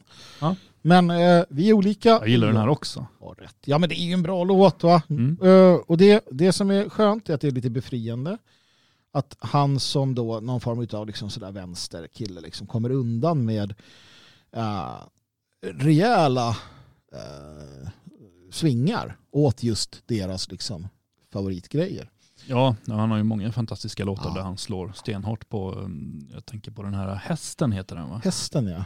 Där en man gifter sig med en uh, oerhört ful häst Ja. för att det är hans läggning och han har rätt till det och det Mm. kommer en präst som blir överlycklig att han får viga dem Mm. för att då kan han synas i media som den godhetens Just präst det. han är. Eh, och sen snurrar det vidare och det slutar väl med att han gifter sig väl med um, deras gemensamma barn sen också. Ja, fantastiskt va. För Mm. fint en hästmänniska. Det är en sån där kentur. Nej, det är något annat. Eh, Ja, den här är mest groteskt ful Ja. framgår det av, Men-. Jag har hört att det, framförallt då av någon anledning så är det ju oftast kvinnorna som, som liksom ropar högst i de här tokiga frågorna. Att inte vilja ligga med en ful är någon form av sådär kränkande. Alltså om du inte kan tänka dig att ligga med en fet ful tant så är det kränkande. Då är du liksom misogyn har jag läst från USA. Mm. Mm. Det kan ju ligga något i det. ja, jag, jag vet inte, man ska liksom så här, jaha, nej men det är klart alla kroppar är vackra liksom. Alla måste ligga med alla. Ja, då måste ju alla ligga med mig och det blir jobbigt. Det här, nej, Du kommer inte hinna med Magnus. nej jag kommer inte hinna med. Gud, trots att jag är så viril. Uh, något annat som är virilt det är husfonden våran. Eh, till uh, Svenskarnas hus uh, som vi, vi har löpande. Jag trodde jag skulle slippa alla de här konstiga övergångarna idag. Nej då, nej då. Jag, jag gillar eh, övergång och undergång. Men inte undergång för Svenskarnas hus utan där gillar jag husfonden. Var med och hjälp till. Eh, har haft vägarna förbi, uppskatta stället, hjälp till. Har du inte varit här, hjälp till. Vad du än gör, hjälp till. Det vill säga hjälp till att se till så att denna bastion av svenskhet blir kvar, inte bara blir kvar, blir bättre och bättre dag för dag. För det blir den verkligen tack vare all hjälp vi får. Det är ju vansinnigt dyrt att driva ett hus om man vill också eh, göra det finare. Men ni som har varit här på event, eh, fester, föredrag, eh, konserter, gud vet vad vi håller på med, vet ju att det är värt vartenda öre, eller hur Björn? Ja, verkligen. Verkligen. Alltså, konserter vet jag inte om vi har haft några. Men, eh, men... men musikaliska Jo, framträdanden. Har vi? Jaha. Henrik Pilström var här eh, och spelade och sjöng. Inte mer trubadurkväll än konsert? Konsert var det. Ja, ja. Eh, Då var det väl så, då har det varit. Eh, Jo, nej men det har ju, och det går ju fantastiskt mycket framåt. Bara den korta tid jag har jobbat här så har det ju skett enorma förändringar. Tack vare att du kom hit kanske. Eh, Nej, inte så mycket det, utan mer tack vare alla människor som har bidragit ekonomiskt och hjälpt till. Eh, Jag lyfter ju inte många fingrar när det kommer till att eh, bygga saker och så. Nej. gör jag inte. Eh, ibland kan jag bära en bräda och sådär. Eh, det händer, men andra står ju för, för själva byggnationerna, tack och lov. Annars hade det varit katastrof skulle jag, skulle jag hävda. Du säger det. Du säger det. Ja, men eh, det finns bra människor som eh, jobbar och många av dem ideellt med att eh, få det fint och vackert. Men material och sånt kostar ändå pengar och ibland måste man ta in experthjälp utifrån och så. så att, det rullar iväg Ja. kan man säga. Det det. Dessvärre. Så är det. Gör det alltså. Gå in på www.ifriasverige.se husfonden där, svenskarnashus.se. Kom förbi, säg hej. Donera, hjälp till att bygga upp detta. Vi, vi, vi har ju också att du kommer komma hit och köpa en korv med bröd, en kopp kaffe eller någonting och sitta och prata. En bok. En bok, absolut. Logik förlag, hur ser det ju här. Så det tycker jag är en bra idé. Mm. Eh, Någonting annat som var en bra idé, det var ju att lämna Sverigedemokraterna. Jag tyckte Paula Bjäler i alla fall. Paolo Bjäller tycker det. Hon eh, uttalar sig här om, om detta va? i, eh, i, i eh, det- det- Sveriges Televisions Precis. Och- politikbyrån. Och jag, jag håller med henne. Alltså, jag tycker att hon har en hel del eh, vettiga infallsvinklar. Ja, vad har de för infallsvinklar då? Det hon säger är att eh, hon inte gillar det här eh, så kallade konservativa blocket. Mm. Alltså M, KD, SD och ja, L då till, till del naturligtvis. Eh, och hon uppskattar inte det som, som händer. Och jag, jag, håller ju med där. Alltså, jag tror ju... Alltså, ja, eh, en, en, alltså det pågår ju ett skifte i svensk politik naturligtvis. Ja. Det så kallade konservativa blocket är ju inte nödvändigtvis sådär superhöger heller. Alltså sådär eh, liksom stockkonservativt. Det är ju snarare socialliberalt eh, med inslag av konservatism. Så att hennes farhågor kanske är lite, eh, lite liksom i överkant. Ja, men det är ju ändå en form av konformerande, Mm. att de blir likadana. Precis, precis. Eh, och det är väl där i den stora faran ligger, eh, framförallt för SD skulle jag väl våga säga. De är inte så pass starka och stora att de, att de kan usurpera M, det tror jag inte. Eh, men jag, jag, jag vet inte. Det, det, det jag vill ha sagt är ju egentligen att, att det finns ett problem i det som sker också. Även om jag tror att en så kallad blåbrun regering eh, skulle vara liksom rätt rolig att ha att göra med på det sättet att det kan gagna oss på många sätt. Men det kan också bli problem såklart. Men det är också, jag vet inte, vad säger du Björn? Jag tycker det är en jävla... Ja, nej, men det finns ju många för och nackdelar utan tvekan. Men först, det första jag bara funderade på när jag såg, eh, jag har inte sett själva inslaget men jag har ju läst eh, SVTs artikel. Ehm, Det är ju att, undrar om det verkligen var därför hon hoppade av eller om det är en sån efterhandskonstruktion som kommer lite smidigt. Sådär. Liksom det sista vi såg av henne, det var att hon var förbannad på att hon inte fick ta liksom, tre veckors extra semester betald Mm. av staten skattebetalarna. Precis. För det får man göra i alla jobb sa hon. Ja. Eh, och, och sen stack hon. Ja. Eh, Det var ju det var ett ganska osnyggt sätt att avgå på. Det hade ju varit ehm, mer stil i att bara avgå Mm. och hoppa över den här detaljen. Utan nu blev det mer som att nej, men hon får inte åka på bröllopsresa som hon hade planerat i februari Mm. istället för det långa sommarlovet som alla riksdagsledamöter har. Precis. Eh, och strax efter det så, ja men då avgår jag. Mm. Ja, men det är lite sådär, det är också den känslan jag får. För att det är också, det är lite för tidigt eh, att, att liksom såga, hissa eller dissa som man säger, eh, den här konstellationen. De har ju inte ens fått möjligheten att misslyckas så att säga. Det, det har ju mest varit köttbullelunch med Ebba Busch och Jo men samtidigt så har det ju ändå varit en anpassning som har pågått ganska länge. så är det ju. Så är det ju. Men hon var ju en, i allra högsta grad en del av den anpassningen också. Hon har ju bidragit enormt till, Mm. till att liberalisera Sverigedemokraterna på många punkter. Sen när hon avgick då var hon ju förbannad på um, abortpolitiken. Mm. Att de höll på och blev liberala där också. Men, men um, hon har ju varit en av de främsta företrädarna Mm. för, för en um, eh, mer öppen invandringspolitik Mm. än vad Sverigedemokraterna hade tidigare. Det är lite som Margot Wallström. Va? Får man inte säga kvinna längre? Vad trodde Bjäler skulle bli resultatet av det som de har gjort? Nej, nej, det är ju lite så. Och sen att de, att de ville ha det här samarbetet med, med eh, borgarblocket. Det har ju Mm. varit liksom klart i många, många år sedan innan Bjäller kom in i Sverigedemokraterna till och Mm. med. Så har ju Björn Söder, kommer jag ihåg, höll något tal där han drog upp framtiden för Sverigedemokraterna. Och då, det har gått precis som han sa. Mm. Det har det gjort va? Eh, vi börjar komma in på upploppet. Björn Björkqvist. Eh, jag är uh, slutpratad om Paula Bjäler och de där. Jag skulle vilja spela en musik, uh, trudelutt istället, en hommage. Du har ju flyttat till hus nu. Du är ju uppväxt på bondgård och sådär, det vet jag. Mm. Men du har ju flyttat till hus och sådär. Mm. Um, och jag gjorde ju också det här för något två år sedan eller vad det var när jag flyttade hem till Sverige igen. Och, och faktum är att eh, eh, den här eh, Thomas Järvheden hade rätt. Jag, jag, jag kände det efter ett tag där. Det var så jäkla romantiskt tänkte jag först det här med, med hus och allting. Och, och det är liksom den där, det har, det har naggats i kanten.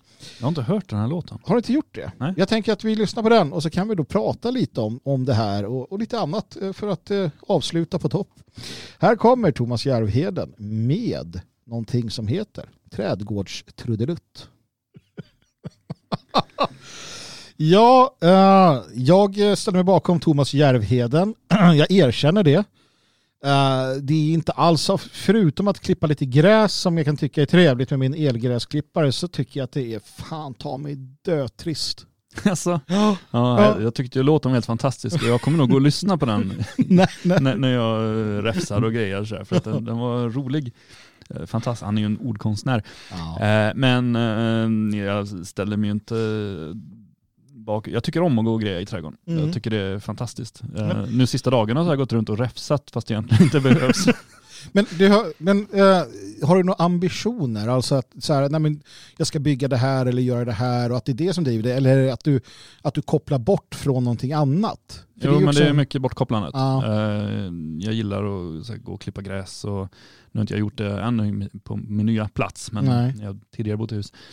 Eh, Så att det, Men är det, jag, för att, jag, jag, som sagt, jag gillar att klippa gräset och sådär. Det, det gör jag, då går jag där. Men sen är det så att ja, men det ska odlas någonting och det ska liksom sättas koppartråd runt och så kommer de där jävla mördarsniglarna och så ska man gå ut och det blir liksom, då blir det krav för det ska bli någonting, det ska bli jordgubbar eller något skit som jag kan köpa för liksom köpa av någon bra bonde som gör det här istället. mm. Eh, och det blir liksom dassigt och halvdant och sådär och det är jävla sankmark och det är tråkigt och sådär. Eh, Jag har ju större problem med, med ehm, liksom inne i huset. mm, Eh, jag gillar ju att gå runt i trädgården och greja, Ja. och pyssla och liksom, jag kan göra onödiga saker. Sådär. Men, men däremot ehm, alltså det här med värmesystem och sånt. ja, du har ju haft dina dustar då. Ja, och nu har vi stängt av pelletsen. Eh, så fick vi ha lite elvärme. ett litet tag. Mm. Och då trodde jag att jag vred på rätt kranar, Mm. vilket jag inte gjorde. Nej. Nej. Nej. Utan det blev... ehm, eh, det kom va- varmvatten i kranarna men, men inte i elementen. Mm. Eh, det, men det var ju bara att vrida tillbaks de kranarna skulle det visa sig. Ja, ja. Eh, nu har jag stängt av elementen Mm. och håller på och undersöker nu om vi fortfarande har varmvatten. Jag är inte säker. Eller om det bara är att det fortfarande är lite varmt. ja, vi får se. Men ja, det där tycker jag inte alls om. Det, det är liksom helt utanför min begreppsvärld hur, hur man beter sig, hur man gör. Eh, Så att eh, man skulle ha som förr i tiden att hade man ett hus så hade man gärna några stycken som gick och skötte om de Mm. grejerna också. Precis. Då hade jag kunnat gå runt i trädgården och pyssla. Eh, Så hade någon annan kunnat sköta värme och... Ja, för så var det ju förr som du säger, sådana män utav din och min kaliber. Mm. Kungar, krigsherrar, liknande. Ja, men även bönder. Ja, vänner också. Ja, det är ju men, drängar liksom. för jag tänker, man brukar säga så ja men titta den här liksom, eh, Marquis de Sade. Nej, inte, inte de Sade, han hade ju helt andra grejer för sig. Han hade också drängar. Ja. Det hade han med någon markis eller någonting. Mm. Som bara, titta hans trädgård, han ägnat sitt liv åt det. Jo, han gick där och gjorde det han gillade Mm. av ett skäl. Alla andra gjorde skiten åt han. Ja. Och det är där jag vill vara. Mm. Jag vill vara han som sitter på verandan eh, och, och kan gå ut och, och, och ansa min, mitt bonsai-träd och känna mig liksom samurajig. Ja. Medans liksom mitt, mitt um, gårdsfolk sköter allt annat. Ja. Kommer aldrig hända va? Så att, nej. Nej. jag lyssnar på Järvheden och sjunger om eh, det här. Det har ju många fördelar ändå att bo i hus och sådär. Man slipper grannar till exempel. Ja, det, det är ju bra. Om man nu inte har grannar, vilket jag har. Ja men inte så här tätt inpå som i en lägenhet. Nej, nej precis, det har man inte. Man slipper så här, folk som spelar musik så här, när de ska sova. Och... Om man inte har någon som bor i väggarna. Sånt har ju hänt i USA, jag vet säkert. här. Folk flyttar in i gamla hus Just det. och så har det så här bott någon sjuk jävel i väggarna som kommer fram och typ nyper dem i tårna och sådär. Det har ju varit flera fall där man har Ja. sådär, som gjort skräckfilmer av det, men det, det bygger på riktiga fall. Så hör ni något i väggarna så kan det vara någon som bor där. Ja, var det inte någon sån här som mm, typ hittade en lucka i golvet så fanns det en lägenhet under Ja, huset. precis. det, det, du vet aldrig vad du har i väggarna. Så att när, du- när de där ljuden du hör, det behöver inte vara oskyldigt. Det kan vara en galen jävla mördare. Ja, eller bara en kul kille. Kan vara en kul kille, bjud han på, på, på käk och se vad som händer. Eh, Björn, lite Mm. snabbt bara. Det går ju mot sitt slut va, men för er som lyssnar i efterhand så klipper vi bort musiken vilket gör att vi, vi kan prata på lite grann utan att skämmas för oss. Men eh, jag bara tänkte fråga dig. Det är ju sommar nu va? Snart. Ja, Och, och jag är lite sådär, ja men du vet, tänker tillbaka när man var liten och så. Och tänkte fråga hur du firade din, eller firade, tillbringade är rätt ord kanske, sommarloven när du var liten pojk. Och då pratar vi liten, inte att du börjar bli liksom skinhead och gå runt med sådär, för då vet jag vad som hände. Men innan det, på Gotland, vad gjorde man som liten pöjk, Björn Björkqvist? Um, ja, alltså jag bodde ju på en gård. Så att man var ju hemma liksom. Eh, Det var inte så att man sprang ut på, på, på gården alltså, och alla de andra ungarna kom ut springande och så, så här, kastade man kula på, på vad heter han, um, vad heter han, Cornelis Vreeswijk. Nej, nej. Eh, Det är ju inga sådana Det minnen det. jag har. Jag tänkte nästan det. Eh, utan eh, man var ju lika isolerad som man var resten av året. Ja, Så jag hade en granne. Eh, så att han och jag fick ju umgås eh, mycket ute i skogen och, och hitta på eh, grejer och skälla traktorer och sånt. Mm. Det fick man göra. Det gjorde Så- ni. sen så, ja, men sen så var det också så här att man blev ju ganska tidigt så instoppad i arbetet.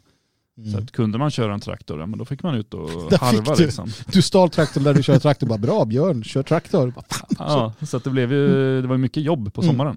Eh, naturligtvis. Tänker du att du eh, har dåligt samvete för att dina barn inte får ha samma somrar som du? Eh, nej, men, men jag har tidigare när jag har bott i stan så har jag känt lite grann att eh, barn ska inte vara där. Nej. Eh, nu tycker jag det är mycket bättre. Mm. För att nu, nu när jag dessutom har um, byggt ett staket Mm. så kan jag liksom släppa ut barnen bara. Och behöver inte så här, bry mig speciellt mycket. De kan hitta på sina egna grejer, Ja. kasta sand på varandra och sånt. Mm. Eh, innan så den minsta stack ju. så att, det var liksom, han bara gav sig av. Så här, bara, nu ska jag ut och upptäcka världen. Så som jag också gjorde Ja. i den åldern, men då hade jag ju inga föräldrar som var oroliga. Så att det var ju bara att sticka. Eh, men det fanns inte så mycket trafik heller i närheten. Nej. Nej. Så, så därför, nu med staketet så är det jättebra för då kan de bara gå ut och göra vad de vill. Eh, så att, eh, nu har jag absolut inget, inget dåligt samvete. Nej. Så. Jag tänker att eh, den faustiska anden är stark i honom. Kanske han är den som koloniserar Mars framöver. Han som rymmer. Det är inte omöjligt. Nej. Det är inte omöjligt. Han vill bort, han vill se vad finns där bakom. Ja, men det är mycket också så att han vill undersöka om man kan ha sönder något. Såklart, såklart. För du måste börja med att ta sönder för att kunna reparera. Det är en del av den, den där Det är sant. Hur tänker du själv då? drivkraften. Ja, nej, jag, har ju, jag plågas ju alltid av dåligt samvete. Ja. Eh, för att jag inte är för att inte min grabb får växa upp precis som jag. För jag tyckte jag växte upp bra. Sommar, jag, jag växte upp i stan eller en förort till Stockholm. Somrarna tillbringade vi utanför Norrtälje eh, i Roslagen eh, på, på föräldrahemmet för farsgubben. Eh, fantastiskt som jag minns det nu. Båt, du vet ut med, med ekan och Mm. andra båtar och segling och, och allt möjligt. Jag förstår inte hur min far eh, hade tid att ha segelbåt och sommarhus och träna fotbollslag och du vet sådär konstiga saker. Som Ja. du hör, det fanns ju inget, inget arbete på gården där utan det var ju ett vanligt tjänstemannajobb då. Mm. Men, så. Eh, men eftersom man hade den fantastiska, du vet, eh, man blev, man blev utkörd när man låg och läste böcker. Du ligger inte här och läser böcker, du får fyrkantiga ögon av det. Gå ut och lek liksom. Eh, och, och sådär. Och nu eh, har ju, man har ju inte alls samma med sina egna barn. Utan sådär. Men det funkar säkert i alla fall. Eh, tror jag. Som sagt, jag, jag är ju jätte, det är en, en glad över som du. Det är att man inte bor i en, en lägenhet. Ja. För det har jag, är ju- jag är ju själv uppväxt i lägenhet. Förvisso var man ute och sprang runt. eh, så, men sen har jag bott i lägenhet. Eh, med barn i lägenhet i Stockholm, Midsommarkransen i början innan jag flyttade till Tyskland och så. Och, eh, alltså, nu, är det, nu har vi hus och det, det är just det här att kunna ja, gå ut på tomten. Mycket annat eh, behövs inte då på samma sätt. Liksom. Nej, och det blir ju en större frihet och jag menar när ungarna blir lite större och rör sig runt om i bygden och sådär. Alla vet vems ungar det är och alla håller koll på varandra på gott och ont. Precis. Så att man, man behöver inte vara orolig på det sättet Nej. som att eh, liksom, försvinner man ut i en stor stad så vet ingen vem man är. Nej, precis. Eh, och det kan handla om mycket jävelskap då. Oftast gör det ju inte det, men Nej. man får ändå den lilla oron som förälder Ja. naturligtvis. Men sen också sådana här saker som att äh, åka och bada i Stockholm. Liksom. Det var inte kul. Det var inte kul. Åka och grilla och bada vid någon sjö. Nej, det var nej. Varför då? För att eh, så mycket utlänningar, så Mm. mycket så här. Här finns det ju någon skogskärn här och där. Det kanske inte är den bästa botten, kanske lite dyrt jävligt, men vi har ju en bra badsjö.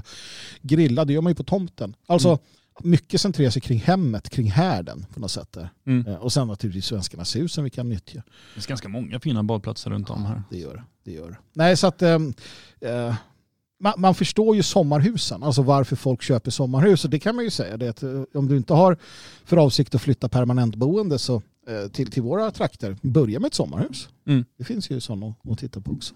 Ja, det gör det absolut. Men då är det ju, eh, för att återanknyta till, till eh, Järvedens låt där, det måste ju vara ännu mer jobb. Alltså att ta hand om ett sommarhus för att då står ju det och förfaller på vintern. Ja, precis. Det ska man nog tänka på. Ja, vi var ju tvungna att åka ut, det minns jag, för vi hade ju sommarhus som sagt. Fick man åka ut mitt i smällkalla vintern, gå på utedass och för det var det vi Mm. hade. Mm. Och sådär, och göra det som behövde göras för att. Liksom. Och fy, ja, det var inget kul. Ja, men det var det visst. Ja, eh, jag börjar känna mig nöjd, Björn. Ja, Mm. det är ju ändå torsdag, det är veckans sista sändning, Ja. eh, morgonsändning. Ikväll så är det ju eh, sportprogram, Precis, Spotpodden. Eh, och på fredag kommer ju tinget ut såklart. Fredagstinget klockan 20.00. Just det. Du ska gå och sätta dig och jobba med logikförlag misstänker jag. Ja, jag har några brev att svara på lite sådär. Sen ska vi väl se om vi kan Mm. eh, beställa hem en ny bok. Precis, den är ju på vänt där. Ja. Ja. Och, Vi, har, vi har ehm, lämnat in en bok till tryck. Precis. Det är spännande. Ja, det är spännande. Den första i vår regi. Ja, Ja. i vår regim. Regim också. Eh, Så det blir spännande och den första av många kan man säga. Det ligger Oh ja, oh rätt ja. många i eh, pipelinen här. Jag fick ett sms precis från en översättare som undrar hur det går med vårt avtal. Mm. Ja, men det går jättebra. Eh, ja, Tror jag i alla fall. Jag vet inte. Nej. För jag har ingen aning, det har du. Logik.se, där går man in och så köper man sina böcker där. Ja, och även böcker till andra, till Ja. sina vänner. Precis. Ja, och, och om du... eh, Om det är så att man känner att en bok som man har läst är väldigt bra och man vill sprida den till flera så kan man höra av sig så kan vi få till ett fint bulkpris också. Precis. Och, och om du har eh, en idé om en bok som är bra men som inte vi av någon anledning saluför, säg till det också att den här borde ni ha. Ja, eller skriv den. Lager. Eller skriv den. Lämna in den. Ja, absolut. Jag är eh, nöjd och glad. Björn, ett jättekul att sända tillsammans med dig. Eh, här får vi göra om någon gång i framtiden. Nu så ska jag lämna över till eh, 24 timmars radion alldeles strax som går här på svegot.se. Och eh, jag lämnar er kära lyssnare med John Edmond som sjunger eh, om det gamla Rhodesia med eh, en somrig låt såklart om Salisbury Town. Tack för att ni lyssnade. Sprid det här vidare till alla ni känner.